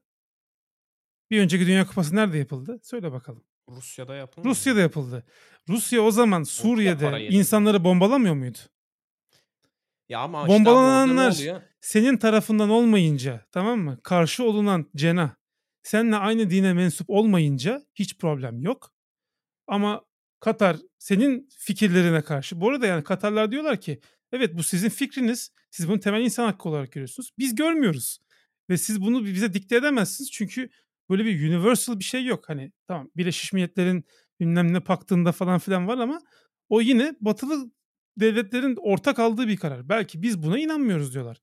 Yani bize de saygı duymanız gerekiyor diye söylüyorlar. Ee, burada adam şey demiyor yani hani death to all LGBT falan direkt yani kılıçla kafasını falan kesmiyor öyle bir durum zaten Suçmuş yok yani. ama yani. Atıyormuş hapse. 7 Ha, yıl hapsi vardı. Kendi zaten ülkesinde şey yapıyordur ama yani Dünya Kupası için gelen e, eşcinseller yapmıyordur öyle hapse atmıyordur. Ama E e, sexual act'te bulunurlarsa yapıyorlar sanırım. Ee, burada e, neyse Singapur'da falan da var öyle yani sakız çiğnersen mesela cezası var. Duvara grafiti falan yaparsan kırbaçla cezası var. Hala da. Kırbaç vuruyorlar yani. Ve yabancı falan bakmıyorlar. Neyse oraları geçelim. Yani dünyada farklı farklı inançlar ve kültürler var. Yani Hindistan'ın da mesela çok değişik inancı var. Yani bir yarın bir gün Hindistan'da olursa Dünya Kupası o zaman da çok garip şeyler görebiliriz yani. Neyse bütün bunları geçiyorum. Ee, e, Rusya'da oldu bu. E bir 4 sene sonra nerede olacak? Suudi Arabistan'da mı? Hayır. diyorlar? Amerika'da olacak. Ama Amerika Birleşik Devletleri dünyadaki birçok savaşın zaten baş, başlatan firma. Öyle bakarsan etik olarak. Tamam ya mı? aslında abi şöyle. Daha daha sen daha siyahi eşitliği diye bir şey yok Amerika'da. Yok yani şu an. Siyahi insanlar kendilerini özgür hissetmiyorlar kendi ülkelerinde, vatandaş olduğu ülkede. O zaman onu da protesto edeceksiniz. Eğer bir şeyi protesto etmeye başlarsan sadece kendi tarafından protesto etmeyeceksin. Aktivizme soyunuyorsan o zaman hakikatin yanında olman lazım. Burada bunu protesto ediyorsan 4 sene sonra Amerika'da da mesela diz, çök, diz çökeceksin. Diz çökme diye bir olay vardı galiba bu siyahilere destek Hmm. vermek için. Marş Aynen, sırasında tabii. diz çökeceksin o zaman 4 sene sonra. Yapabilir misin? Nah yaparsın. Yapamazsın. Çünkü öyle bir Amerika'nın öyle bir gücü var. O yüzden de ben burada Katar'ın çok yalnızlaştırıldığını düşünüyorum. Ee, bak haklılar haksızlar yaptıkları yasaklar haklılar haksızlar demiyorum. Bu adamların kendi inancı baştan vermeyecektin. Baştan vermeseydin zaten bunun hiçbirisi konuşulmayacaktı. Hı hı. Katar'ı men ederdin 40 sene. Adamlar da tamam peki eyvallah Habibi Ama işte deyip giderlerdi. şeyi anlayabiliyorum abi yani protestoları anlayabiliyorum. Çünkü ne oluyor? Vatandaş protesto ediyor. Yani adam zaten hani kendi elinde değil ki yani atıyorum FIFA'ya verip vermemesi o Abi o zaman de ki ben gitmiyorum bu Dünya Kupası'na de. De ki Ha. ben de Danimarka olarak Aynen. de bu Dünya Aynen Kupası'na abi. katılmıyorum de. Tamam mı? Olması gereken oydu zaten. İnsanların beklentisi oydu ve ülkeler bir onu yapamadı ve ben hala mesela Reddit'i falan okuyorum. Onu bekliyorlar. Diyorlar ki mesela final maçında çıkacaklar işte atıyorum oynamayacaklar final maçını falan. Hani hala böyle beklentiler var. Yani bir şekilde e, çünkü biliyorlar yani FIFA corrupt yani takımlar da bir şey hani şey olarak bir şey yapamaz. Hani genel anlamda işte FIFA diyor ki kup şey burada olacak diyor. Ya gitmeyeceksin ya da şey yapacaksın. İşte bant olayında da mesela işte ben takip edeyim. Neuer demiş ki ben takarım abi sizi mi dinlerim demiş. Adam da diyor ki o zaman demiş biz senin takımına ce- ceza puan veririz demiş grupta. Yani hani bak hala sürdürüyorlar. Yani diyor ki Hı hı. sen ben ne dersem onu yapacaksın. Hani hı. insan haklarıymış şeymiş falan benim umurumda değilmiş diyor FIFA. Haliyle ben şeyi çok iyi anlayabiliyorum. Ben de mesela hani şey olarak proto ben zaten Abi maçını da Neuer çıkmasın abi o zaman maça. İşte olması gereken o Neuer ama yıldız işte bir abi. kaleci. Neuer'siz Almanya niye İşte- Neuer'siz bu Almanya diyecek İşte- insanlar. şeyin beklentisi bu. Hani herkesin beklentisi bu. Çıkmasın diyor ama işte o da Neuer'e kalmış artık. Neuer ne her futbolcu şey daha ilk akademiye 8 yaşında girdiğinde bu şu an 8 yaşında falan giriyorlar. 7-8 yaşında başlıyorlar akademiye. Girdiği günden itibaren o Dünya Kupası'nı elinde havaya kaldırdığı anın hayalini kurarak yaşıyor. Her gece Abi o Neuer hayalle kaldırdı. uyuyor. Tamam Neuer kaldıysa o zaman katılmasın kardeşim. Bu kadar İşte aynen ben de onu ama işte şey diyorum bak bize bize söylemesi kolay. Onu Yani finalde oynamamak falan gibi bir şey olmaz abi. Artık son maça gelmişsin. Tamam mı? Abi 90 işte. dakika maçı kazansan iki tane gol atsan o kupa senin eline kalkacak. Hiçbir futbolcu hiçbir futbolcu orada Ya oynamamazlık işte falan yapamaz. diyorum ya sana işte bu beklentiler böyle. Niye işte Bu arada bir de işte şöyle bir durum diyeyim? var. Bu olayı çıkartanlar hep batılı kulüpler. Yani batılı kulüplerden kastım Avrupalı kulüpler ve Amerika. Abi mı? çünkü işte Abi onların batının Arjantinliler mesela Katolik için. abi. Arjantinliler, Brezilyalılar Katolik. Tamam mı? Adam zaten LGBT karşıtı. Onlar da LGBT karşıtı. Ya işte Katolikler de öyle. ya abi işte sıkıntı O yüzden final Arjantin falan kalırsa ötekiler oynamazsa Ha. 9-0 bitirirler maçı. Kupayı da paşa paşa kaldılar. Yani dünyada tek bir görüş yok. Bunu bir kere Batılıların bilmesi lazım. Tamam mı? Çok farklı dünya görüşleri var. Ben dünyada bir sürü ülkeye gittim. İnsanlar o kadar farklı şekillerde yaşıyorlar ki. Hiç senin alışık olmadığın şekilde. Lan Mesela taharet musluğunu biz burada konuştuk değil mi? Mesela o adamlar hı. için belki çok normal bir şey taharet musluğunun olmaması. Adam artık onu kendine norm belirlemiş. Bunun gibi düşünebilirsin. Okey eyvallah tabii ki de burada insan hakları vesaire mevzusu var ama yani eee, o yüzden de ya bu adamlar böyle dersin. Dersin ki ben bunlara ver. Rusya'da da bu arada LGBT yasağı var yani Rusya'da da eşcinsel olmak yasak. Biliyorsun Rusya'da da böyle bir şey hı. var. Hı. E, Rusya'ya verdin işte 4 sene önce. O zaman yoktu sıkıntı. Ya burada Ya birazcık abi işte ikiyüzlülük orada giriyor işte. Benim zaten rahatsız eden şey bu ya. Dini bir şey var anladın mı? Karşı dinden olmasının Katar'ın bu insanları daha militan haline getiriyor. Rusya'da dememişlerdi hiçbir şey. Rusya'da da oynadı bu Danimarka falan. Tıpış tıpış da oynadı. Yani biraz şey yapıyorlar. Aranıyorlar açıkçası. O yüzden de ben bunun müstak konuşuyorum. Son ayağına geleceğim işin. Biraz uzun konuştuk biliyorum Dünya Kupası'nı ama e, bence konuşulması gereken bir konuydu. Vallahi abi daha çok sen konuştun. Abi çünkü ben futbol seyircisiyim. Ben futbolu yakından takip eden bir insanım. Yani bunu Ama bilmeyen işte varsa ben ama şey de onu Fenerbahçe'de oturuyorum. lazım. Hı. Fenerbahçe'de oturuyorum. Stada yakın oturuyorum. Yürüyerek gidebiliyorum maça. 8 sene Fenerbahçe'nin bütün maçlarına gittim Kadıköy'deki. O bütün o işte Zikolu ve futbol takip edenler bilir. Daumlu, Aykut Kocamanlı, gaz yediğimiz maç falan hep ben on- onların hepsinde stat'taydım. O yüzden ben iyi bir Fenerbahçeli olduğumu düşünüyorum. Fenerbahçe'yi sıkı takip ederim ama hiçbir zaman Fenerbahçeliğimi şu an podcast'te söylemek haricinde hiç kimseye söylemem. Hiç kimseye hava atmam. Hiçbir zaman aleni bir şekilde sevinmem. Onu da söyleyeyim yani. O yüzden böyle bir e, kötü bir durum falan olursa Fener'de gelip de alay etmeyin. Çünkü ben öyle bir şey yapmam yani kimseye karşı. Ee, neyse yani kendi içimde yaşarım taraftarlığımı öyle söyleyeyim. Ee, yakından takip ettiğim bir konu olduğu için uzun konuştum. Son olarak şey kısmına geleceğim. Netflix size marketing platform mevzusuna geleceğim. Şimdi geçen sene bir olay oldu futbolda. Ee, birkaç tane kulüp bir bildiri yayınladılar. Birkaç tane kulüpten kastım Avrupa'nın top kulüpleri yani her zaman Şampiyonlar Ligi'nde ilk 8'e kalan kulüpler diyebiliriz. İşte İngiliz kulüpleri var, Real Madrid var. Ee, Barça, Alman takımları, Bayern Münih falan filan var. Dediler ki biz dediler bir sürü maç oynuyoruz. Dandik dundik takımlarla oynuyoruz. Onlar için dandik dundik. Ondan sonra Şampiyonlar Ligi bir tür şey yapmıyor ve bunun işte pasta çok ciddi paylaşılıyor. Biz burada pastanın e, büyük payını hak ediyoruz. Biz o yüzden UEFA'dan ayrılıyoruz. Şampiyonlar Ligi'ne falan katılmayacağız. Kendimiz Süper Lig diye bir lig kuruyoruz. Bu lige istediğimizi alacağız, istediğimiz kulübü ve kendi aramızda oynayacağız dediler. Bu Amerikalıların yaptığı bir şey bu arada. Çünkü Avrupa'da bazı kulüpleri Amerikalılar satın aldı. Mesela Liverpool falan Amerikalıların elinde. Ve e, bu satın almadan sonra e, dediler ki ya kardeşim biz NBA'de NBA'de bunu global fenomen haline getirdik. İşte ondan sonra da Amerikan futbolu, beyzbolu bile dünyaya satıyoruz. Bilmem ne yapıyoruz. Bu nasıl bir şey? Futbol çok sığ hani. Biz bunu böyle e, işte Fortnite'a koyalım. Ondan sonra işte devre arasında oyunlar olsun. Maçtan iki saat önce konser olsun bilmem anladın mı? Hani bir şölen haline getirelim vesaire. Buradaki pastayı büyütelim tabi edeceğiz. Daha fazla sponsor alalım. Şey yapalım para büyüsün buradaki diye şey yaptılar. Ama tabii ki burada futbolun güzel olan tarafı işte Galatasaray gibi bir kulübün gibi derken şunu kastediyorum. Türkiye'den çıkmış bir kulübün gelip de UEFA kupasını alabilmesi zaten futbolu güzel yapan şey. Bu organizasyonu güzel yapan şey. Geçen sene işte Rangers'ın 4. lige düşürülmüş İskoçya'da e, fa- finansal durumlardan dolayı 4. lige düşürdüler Rangers'ı.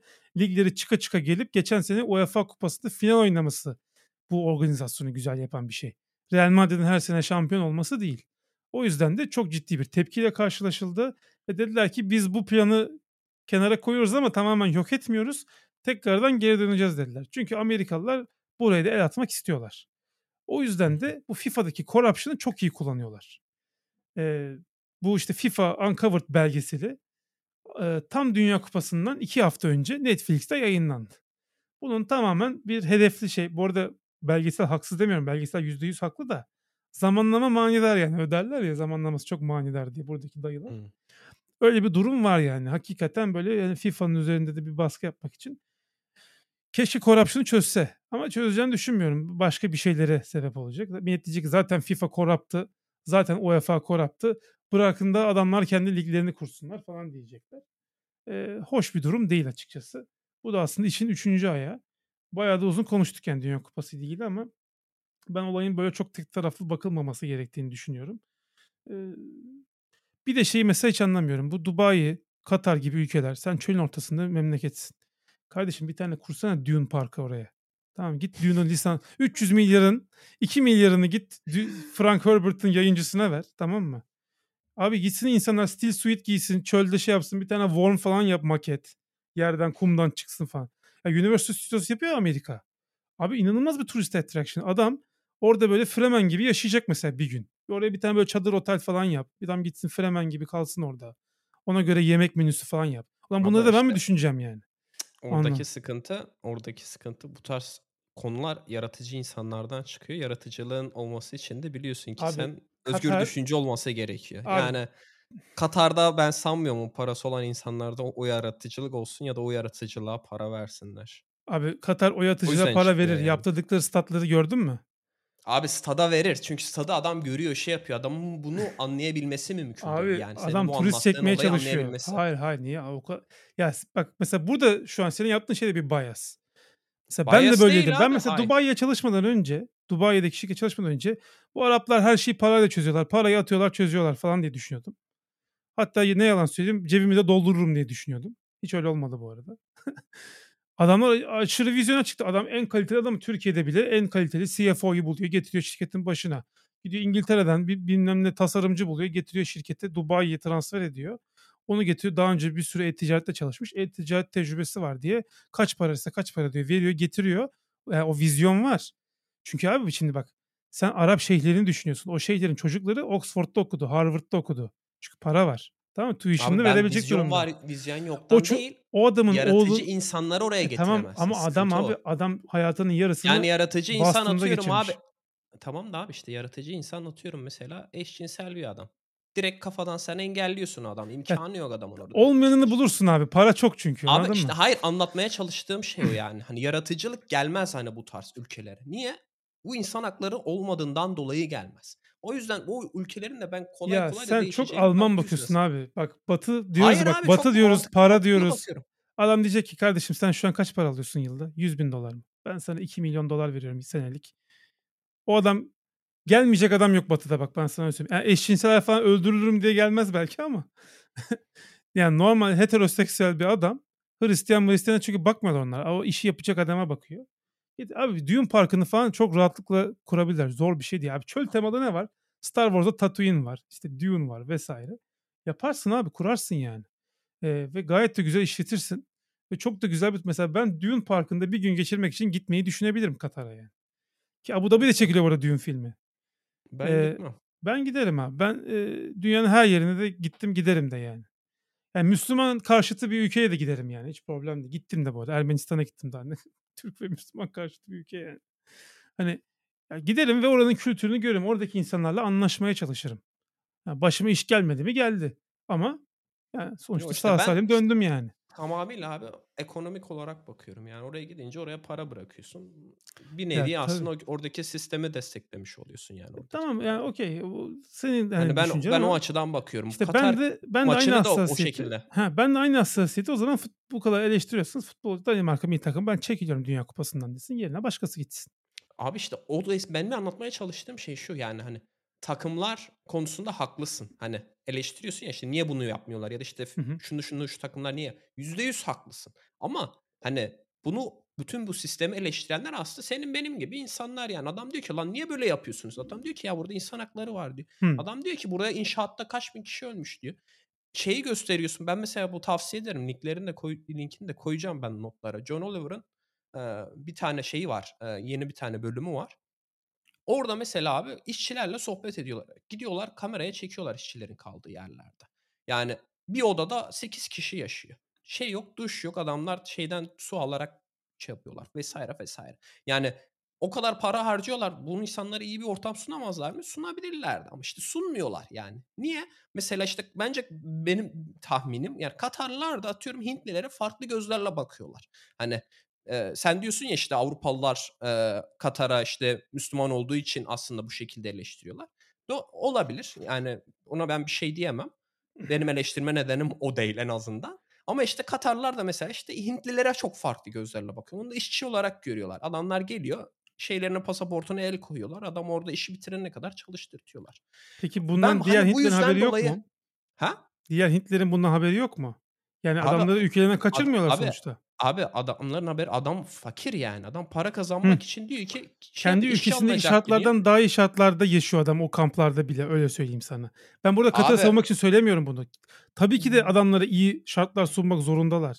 Bunu zaten ben ona bir şey diyemem abi. Bilemezsin yani o adamın ne şartlarda yaşadığını kendi ülkesinde ama ben genel anlamda şey yapmak hani eleştiriyor olma neden ama ben yoksa şeyinde değil yani hangi ülke olursa olsun yani. Ama işte ülkenin insanlığa hani hani insan hakları den denmesinin nedeni o yani. Hani insan hakkı olarak yani o adama atıyorum bir duş verirsin, daha iyi bir yaşam koşulu sunarsın vesaire vesaire. Bunların olmamasından dolayı ya da işte insanları ayrımcılıkla çünkü World Cup'ın genel anlamı ne? Amacı ne? Değil mi? İnsanları bir araya getirmek, değil hı. mi? Bütün ülkeler bir araya gelsin. Normalde hani bi bir araya gelmeyecek ülkeler bile atıyorum İran mesela Amerika'yla maç mı yapacaktı? Hani öyle Yaptı. hani Heh, yani bak normalde hani bu iki İngiltere ambargo yaptı, uygulayan am yapacak. ambargo uygulayan ülke. Ne oluyor? Amaç o yani hani diversity'yi arttırmak.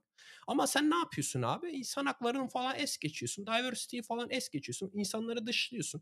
Atıyorum bak eşcinsel dışlıyorsun. Bira içen adamı dışlıyorsun. Belki atıyorum yani farklı mesela atıyorum Yahudi adam orada pazar günü belki bir şeyi yap ibadetini yapması gerekiyor mesela. Onu engelliyorsun, onu dışlıyorsun vesaire vesaire vesaire. Bu yüzden eleştiriyorlar. Benim eleştirme nedenim de bu yani. Tamamen yoksa ülke neymiş şeymiş benim çok şeyimde değil ama ben genel anlamda yani otokrat olan ülkeler işte bu tarz Katar'dır, Suudi Arabistan, Birleşik Arap Emirlikleri, Çin, Rusya bu tarz ülkelere nasıl diyeyim gıcığım abi. Niye? Tamamıyla insan haklarından dolayı ülkeye hani o şey sisteme gıcıklık. Yoksa atıyorum Katarlı kişiye insana değil bu olay. Benim şeyim nede nedenim de eleştiri olma nedenim de bu. Ben şeyleri de görüyorum. Yani Avrupa'da da var as açıkçası hani böyle istiyoruz ya işte hadi yiyorsa şunu yap, şunu yap madem eleştiriyorsun diye. Benim işte neredeyse işte 2-3 günde bir gittiğim Rewe diye market var burada Almanya'da. Almanya'nın Migros'u diyebiliriz mesela hı. Rewe için. Adamlar gittiler dediler biz Alman milli takımını sponsorluyduk. Sponsorluğumuzu çekiyoruz. Ha, Çünkü işte öyle biz yapacaksın işte. Hah, bak işte aynen işte arada var. Hani böyle şeyler de var. Ben o yüzden hani mutlu oldum. Ya dedim bak hani gene bütün sistem ekonomik dönüyor aslında. Yani ben o yüzden hani bazı insanlara işte, o o eleştiren insanlara diyorum abi bak eleştiriyorsan mesela senin yapabileceğin şey izlememektir ki atıyorum işte reklamın şeyi düşer, izlenme sayısı düşer vesaire falan. Paranla zaten sen bütün her şeyi aslında karar neyin olup olmamasına paranla karar veriyorsun. Bu arada Onların da aslında Hı izlemeyerek de bunu yapmaması gerekiyor. O yüzden ben mesela sevindim. Dedim ki bak dedim ben bu kadar Almanya'ya geldiğimden beri bu marketten alışveriş yapıyorum. Adamlar da gitti dedi ki biz dedi yakıyoruz dedi verdiğimiz sponsorluk parasını dedi. Eee, bu bunun için de işte biz tişört mü işte sticker mi ticker da satıyormuş marketinde Dünya Kupası. Bunların hepsini bedava vereceğiz dedi. Kazandığımız bütün paraları da gidip bilmem ne şeyine bağışlayacağız falan. A dedim bak dedim ben bu marketten gidip alışveriş yapmaya da devam ederim. Arada böyle şeyler de çıkıyor. O yüzden hani ben insanların boykot ediyor olmasının nedeninin de bu olduğunu şey yapıyorum düşün. Ama diğer anlamda mesela işte bir takım mesela diyor ki ya biz bunları boykot edeceğiz. O konuda ben sana hak veriyorum yani hakikaten. Madem inanmıyorsun ya ben olsam mesela atıyorum takım yöneticisi bana böyle şey yapıyorsa ya sen derim ki sen kimsin ki benim işte kaptanımın ne giyeceğine karar veriyorsun derim. Giyecek derim. Atıyorum gider giyerim. Paşa paşa eksi puanımı da yerim. Ülkeme de de öyle dönerim. En azından ülkeme döndüğümde de derim ki bakın biz bizim ortak değerlerimiz var. Biz ortak değerlerimizden dolayı işte atıyorum elendik kupadan. Herkes mutlu mesut yaşar. Ama işte bunu yapamıyorlar. Herkeste o şey yok. nasıl diyeyim, cesaret yok diyeyim. Hani, eee, iyi tabirle, kötü tabirini söyleyeyim. Herkeste o cesaret yok. Ama olması gereken o bence. Ama işte dediğin gibi gene money talks yani. Belki adam diyor ki ben işte atıyorum maça çıksam Neuer şey diyordur belki ben çıksam o maça işte o kol bandıyla ondan sonra eve döndüğümde muhtemelen atıyorum Bayern Münih beni şutlayacak falan artık yani oynayamayacağım falan gibisinden belki iş düşüncesi vardır. Hani kimse şeyi yapamıyor.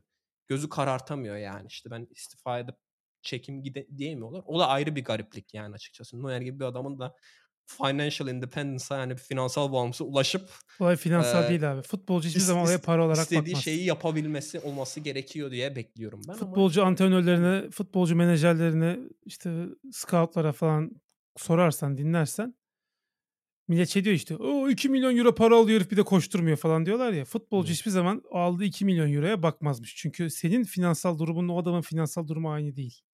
O adam zaten 2 milyon euroyu alıyor yani. O yüzden o İşte adam o adam mesela sevgilisiyle kavga ettiği zaman maçta kötü oynuyor. Çünkü adam sevgilisiyle çünkü sevgilisiyle kavga etmek adamın aldığı paradan daha önemli. Çünkü adam senin finansal durumunda değil. Senin finansal durumunda olan bir adam için yılda 2 milyon euro çok para. Bir futbolcu için çok bir para değil.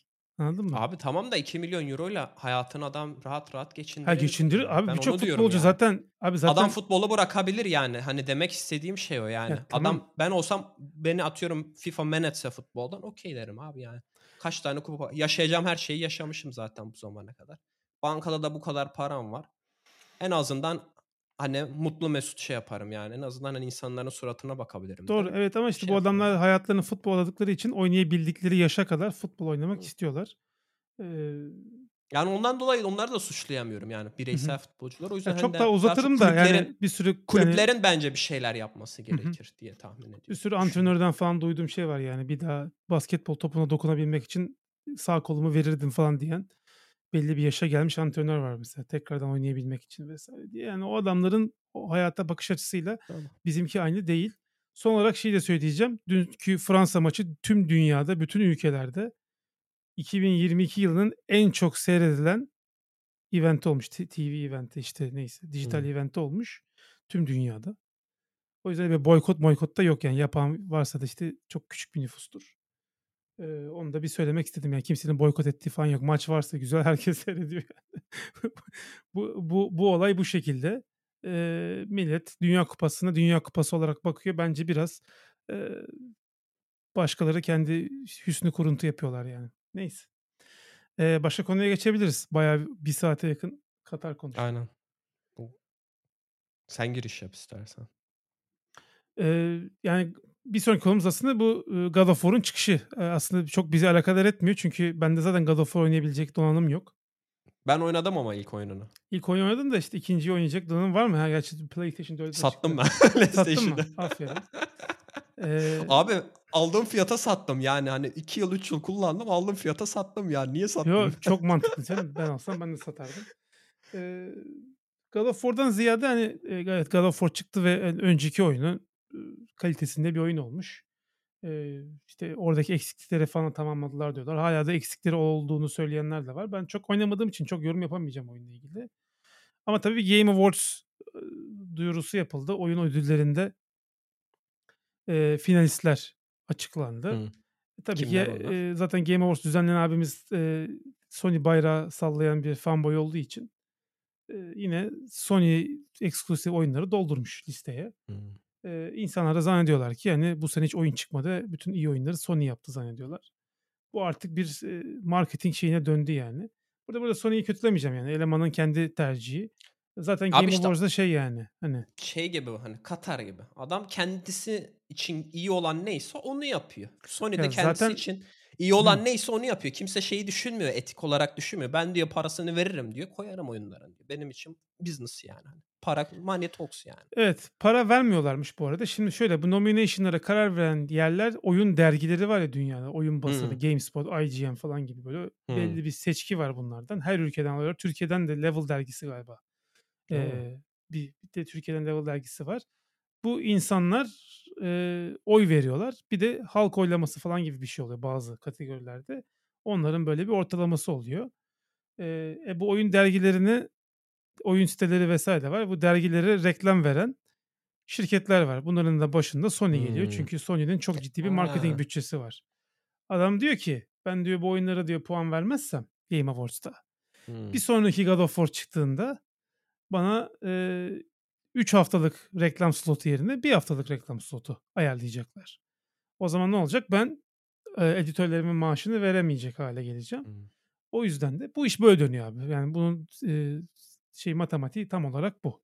Bunun burada Xbox tarafı da var. Xbox yapmıyor ama o da onların da reklam bütçesi var ama biliyorsun Xbox'ın biz marketingini çok eleştirdik. Sony gibi değil. Ha ben geçen burada yürüyordum. Eee, Türk Telekom'un şeyi var ya kutusu trafosu var Evet, sokak evet. Hımm. Ragnarok is coming diye God of War'un logosunu boyamışlar spreyle.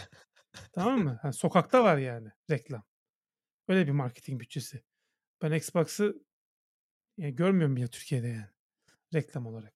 Hı hı. Neyse eee, çok çok geride yani. Ki daha da çok parası olmasına rağmen yapamıyorlar. E, Ama bu işte böyle bir oradaki düzen. dergilerin de yani bir şekil gene ama aslında bak gene burada şey iniyor yani bütün olay hani senin benim gibi hani normal insanların paralarını nasıl harcadıklarıyla eee, Hı hı. alakalı. Yani atıyorum o dergi mesela hani sponsora ihtiyaç duymuyor olsa mesela biz mesela atıyorum o dergiye para veriyor olsak senin benim gibi bir sürü insan olsa o bütün hani editörlerin maaşı çıkabilse o dergide dergi der ki arkadaş Sony vermek istemiyorsa vermesin umurumda değil. Benim zaten para kazandığım kullanıcılar var.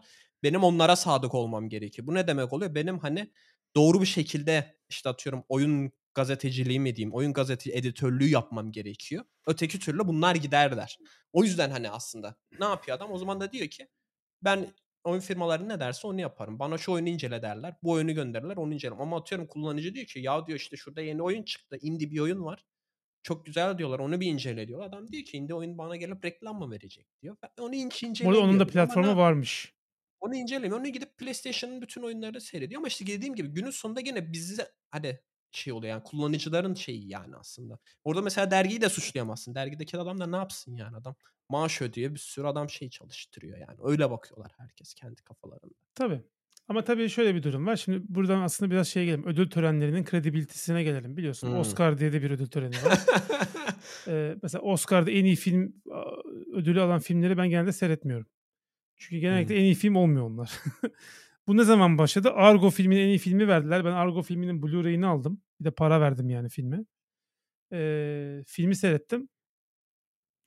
Yani aday bile gösterilmemesi gereken bir filmi en iyi film seçtiler. Niye? Çünkü İran, Amerika Hımm. anlatıyor.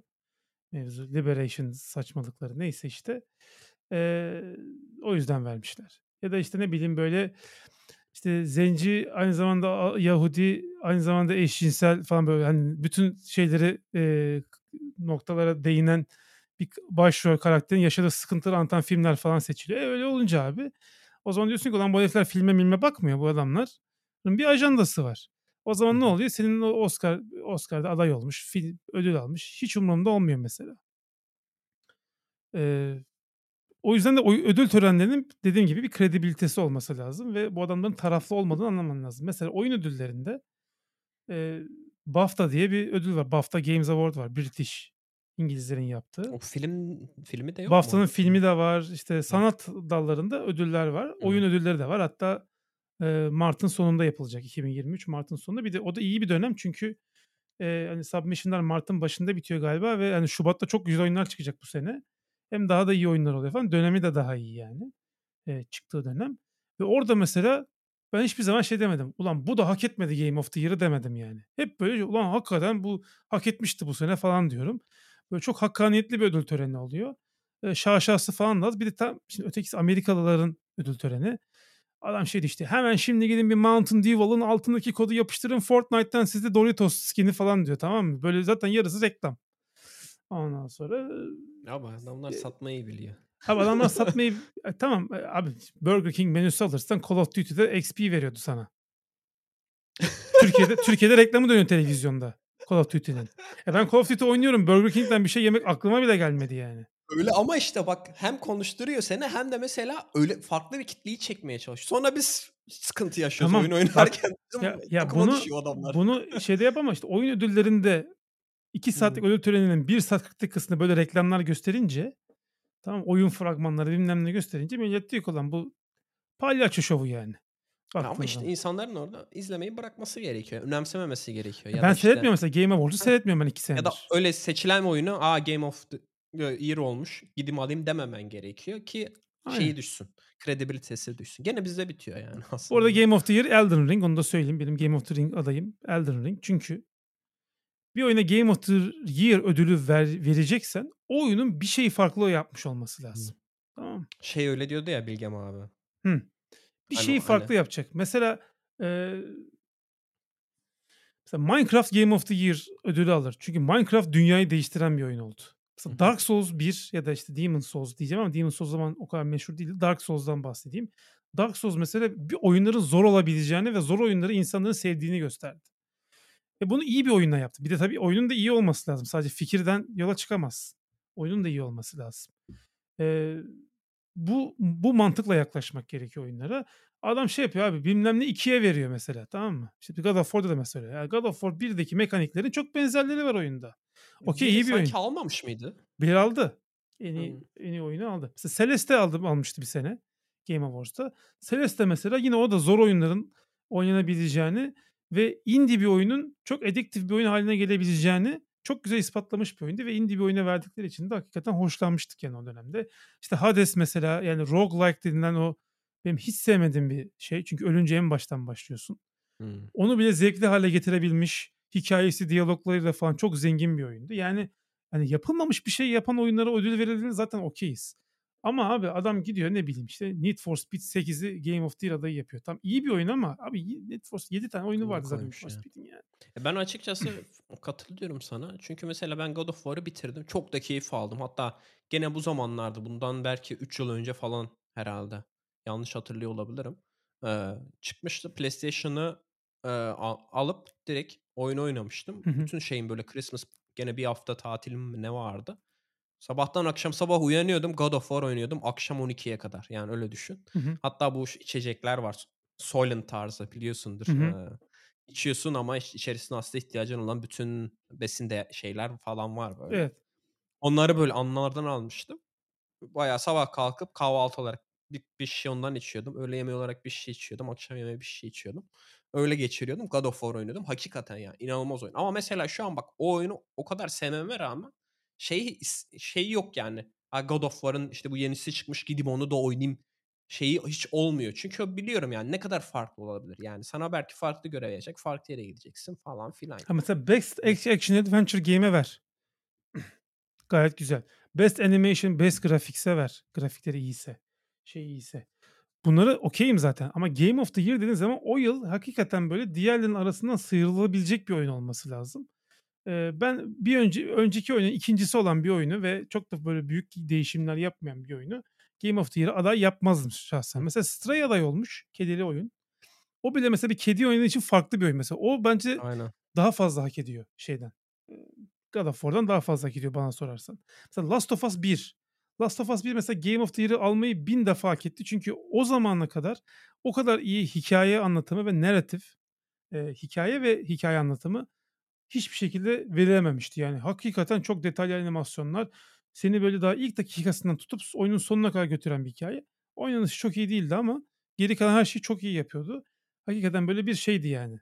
Emm, tam bir, eee, kilometre taşıydı. Tam bir çıtayı yükselten bir oyundu. Mesela ona vermekte hiçbir sa sakınca yok. Tabii benim dediğimin çok bir hü hükmü yok yani. Ne derlerse desinler de, eee, kime verirlerse versinler de. Mesela BAFTA'ya baktığın zaman BAFTA'ya baktığın zaman şeyi görüyorsun yani hakikaten, aaa, bütün kategorilerde hak eden Mesela geçen sene Microsoft Flight Simulator almalıydı. Niye? Bunu Microsoft'u sevdiğim için söylemiyorum. Adam diyor ki ben diyor gerçek harita datası ve gerçek hava Hımm. durumu datasından sana oyun dünyasını generate ediyorum ve oyun dosyalarının içerisine her şeyi koymuyorum. Bazı grafiksel hesaplamaları cloud'da yapıyorum. Sen o grafiksel hesaplamaları real time indiriyorsun. Mesela şu an İstanbul'da yağmur yağıyor. Şu an İstanbul'da yağmur mu yağıyor? Oyunu aç, İstanbul'un üzerinden uç, İstanbul'da da yağmur yağıyor. Yağmur durdu mu 10 saniye sonra oyunda da yağmur duruyor. Tamam mı? Şimdi bu inovatif bir fikir. Bu daha önce kimsenin yapmadığı bir şey. Tamam mı? Cloud'la oyun, eee, şeyini, engine'ini birleştirme işini daha önce kimse yapmamış. Buna versen bak bu konuşulur işte. Bu hak eden bir şey. Bunu bu Microsoft yaptığı için söylemiyorum yani. Eee ama tabii ki de Microsoft'un başka şeyler denediğini de göz ardı etmemek olmaz yani. En azından böyle şeyler deniyorlar. Mesela Pentiment diye bir oyun çıktı. Eee, geçen haftalarda. Eee, Orta Çağ'da geçiyor. Orta Çağ Almanya'sı gibi bir yerde geçiyor. Eee, bir murder mystery oyunu, macera oyunu ama verdiğin kararlar, işte, seçtiğin konuşma, diyalog opsiyonları hikâyeyi değiştiriyor ve çok sınırlı soru sorabiliyorsun. Çünkü bütün hikâye bir zaman sonra tamamlanıyor ve, işte, o zamana kadar çözmen gerekiyor gibi bir oyun. İnovatif bir oyun yani, değişik bir oyun. Hiçbir adaylık da yok abi. Yani galiba Art Direction'da mı ne bir şey de var, onun dışında yok. Abi adam orijinal bir şey yapmış yani. Eee, en azından Game of the Year'a koymasan bile 1-2 kategoriye onu koy yani. Hıı. Belki BAFTA'dan bir şeyler gelir, BAFTA'da kesin alır. BAFTA'da zaten öyle oyunlara veriyorlar. Ama, işte, o zaman şöyle olması gerekiyor abi. Bizim o yani olabildiğince mesela, işte, Game of the Year şeylerini konuşmayı bırakıp da, işte, BAFTA'yı konuşmamız lazım ki, işte, insanlar ona dikkat çeki kesilsin. Desin ki ya ben artık, işte, BAFTA'da ne çıkarsa gidip oyunları alıyorum. Oyunları deniyorum. İşte, bu oyunu aldım, şöyle BAFTA'da şu oyun seçilmiş, o yüzden gittim bu oyunu aldım falan demesi gerekiyor ki insanların yavaş yavaş onu unutması gerekiyor. O zaman onların hani, biraz akılları başına gelir belki. Gelmese de zaten yok olur giderler yani. Hani, gene, işte, bizde bitiyor yani olabildiğince şey yaptıkça, konuştukça, eee, insanların satın alma alışkanlıkları ya da, işte, dinleme alışkanlıkları, kimi dinleyecekler, o alışkanlıkları değişiyormuş gibi. Aynen. Yani bu oyun basınının, işte, oyun sektörünün, bu da, işte, aslında birazcık o Katar mevzusuna da geldik ya, yani paranın, bütün kapıları açtığı bir dünya ki oyun sektörü biliyorsun sinema ve müzik sektörünün toplamından daha fazla şey olarak, para hacmi olarak, kazandırdığı para olarak. Bu açılardan da, hani, bu sektörün de aynı bu şekilde futbolda olduğu gibi yönetildiğini aslında bilmelerini isterim insanların. O yüzden şeylere hiç bakmayın mesela. Eee, review puanlarına bakıyor insanlar. "A, oyun 76 almış ya, kötüymüş." falan diyor ya. Ben o yüzden mesela Hiç Steam'i bakmayın. seviyorum. Steam'i seviyorum. Steam'de çünkü şeyin kullanıcıların yorumlarını görüyorsun genelde orada. Hani, Evet. ona göre karar Mesela veriyorsun. Sea of Thieves'in puanı 68 Metacritic'te. Sarı. Yani 68'i görünce millet "Lan bu ne biçim oyun?" der. Şu an 20 Hımm. milyon oyuncusu var neredeyse. Tamam? Eee, çünkü ilk çıktığında biraz problemleri olan bir oyundu ama uzun soluklu oyunlarda bence her sene review yapılması lazım ve önceki review puanının güzel yanı o. Heh. Steam'de o. En son Recent şeyini de görüyorsun evet, recent Aynen, recent şeylerini de görebiliyorsun. Heh. Orada aslında görebiliyorsun oyun iyileşmiş mi, kötüleşmiş mi update'lerle diye. He. Bir de mesela oyuna early build gönderiyorlar mesela. 1 ay öncesinden gönderiyorlar. Erken bir build. Orada daha mesela Hı. problem Adam diyor ki bir bölümde diyor bug var geçemedim. 4 falan diyor, tamam mı? Tamam abi ama adam onu çıktığında fixlemiş olacak. Ama hı. sen o 4'ü oraya sonsuza kadar koyuyorsun. O oyunun ortalamasını düşürüyor. Eee, ve şeye bak mesela bir oyun 7 falan aldıysa abi, eee, oyunun görsellerine baktıktan sonra oyunu bence deneyin. Zaten Game Pass bunun için var. Aynen. direkt indirip deneyebiliyorsun oyunu aboneliğin Aslında varsa. biraz on o o o stratejiden de gene belki bahsedebiliriz. Çünkü ben şimdi Black Friday geliyor, Hı bu cuma. Eee, ben geçen bölüm hatırlayamadım ne zamandı diye. Bu cuma çünkü şey oluyor artık bizde code freeze tamamıyla artık hiçbir şey main'e merge'leyemiyoruz. Eee, orada görüyoruz ki inanılmaz bir agresiflik var Xbox tarafında. Yani Xbox şimdi S var, e X Xbox X var. S daha böyle az performanslı bir versiyonu diye hatırlıyorum. Daha X düşük çözünürlükte iki eee, 2K 1440p ya da 1080p hedefliyor oyunları genelde onda. Hı hı. Xbox X'te dört 4K'yı da 4K göstertebiliyordu diye Hı hı. hatırlıyorum. Xbox S e için, hani, bu bilmiyorum Türkiye'de de yaptılar mı ama Amerika'da, işte, $250'a kadar fiyatı düşürmüşler. Değil. Yanında, işte, şey de Kulaklık veriyor. veriyor. He kulaklık da veriyor falan böyle. $250'a hani yani bilmiyorum bana, hani, ben gene buradaki kendi şeyimize göre kıyaslıyorum. Çünkü ben atıyorum ekran kartına bilmiyorum €400 mu verdim, €600 mu verdim, ne verdim? Hâlâ taksitle aldım onu da 24 ay. Hâlâ ödüyorum o taksitini. Türkiye'de de yapmışlar. Konsolu konsolu almak muazzam bir şey.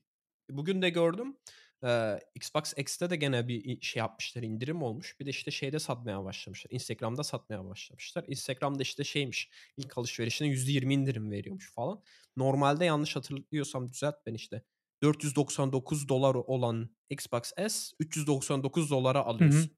Hani, gene orada ben şeyi, hani, çünkü biz seninle şey yapıyoruz, aynı oyunları oynadığımız için, ulan ben kasaya falan, hani, bir sürü para harcadım yani yatırım de sen diyorsun yaptım. ki abi bu Call of Duty bende kasıyor diyorsun. Bende 120 FPS yağ gibi akıyor.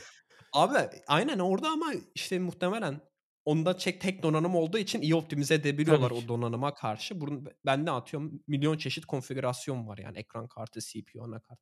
RAM Sen de ayar yapsan sen de benim gibi oynarsın ama çok fazla ayar var PC'de ama Aynen. burada bir tane ayar set ediyorlar. Sen o ayarda oynadığın için hep iyi oynuyorsun. Aynen. Yani hakikaten yani insanı düşündürtüyorlar. Ya $399'a neredeyse işte bak aynı oyunu oynuyoruz. Aynı, aynı FPS'e ben de aslında 120'ye değiyorum böyle arada falan. Benim belki çözünürlüğüm biraz daha fazladır. Ama yani hemen hemen aynı oyunları en azından şöyle söyleyeyim ya. İkimiz de oynadığımızdan keyif alıyoruz Evet. yani. Heh. Ve sen bunu hani daha düşük maliyete elde edebiliyorsun. Orada hani bana mantıklı gö- şey görüyor ya. Lan hakikaten yani onu als, alsam mı diye böyle insanı düşünmeye itiyor. Beni bile yani şu an lan PC'yi satıp Xbox mı alsam diye böyle arada şey yapıyor. Düşünmeye itiyor. Ee, ama işte şeyden düşünüyorsun yani niye böyle bir şey yapıyorlar diye. O da bana şey gibi geliyor zaten. Xbox'tan, Xbox Game Pass'ten parayı çıkartacaklar. Çünkü ben sanmıyorum kar et. Muhtemelen hepsini zarara satıyorlar şu anda. Ee, ama ne oluyor?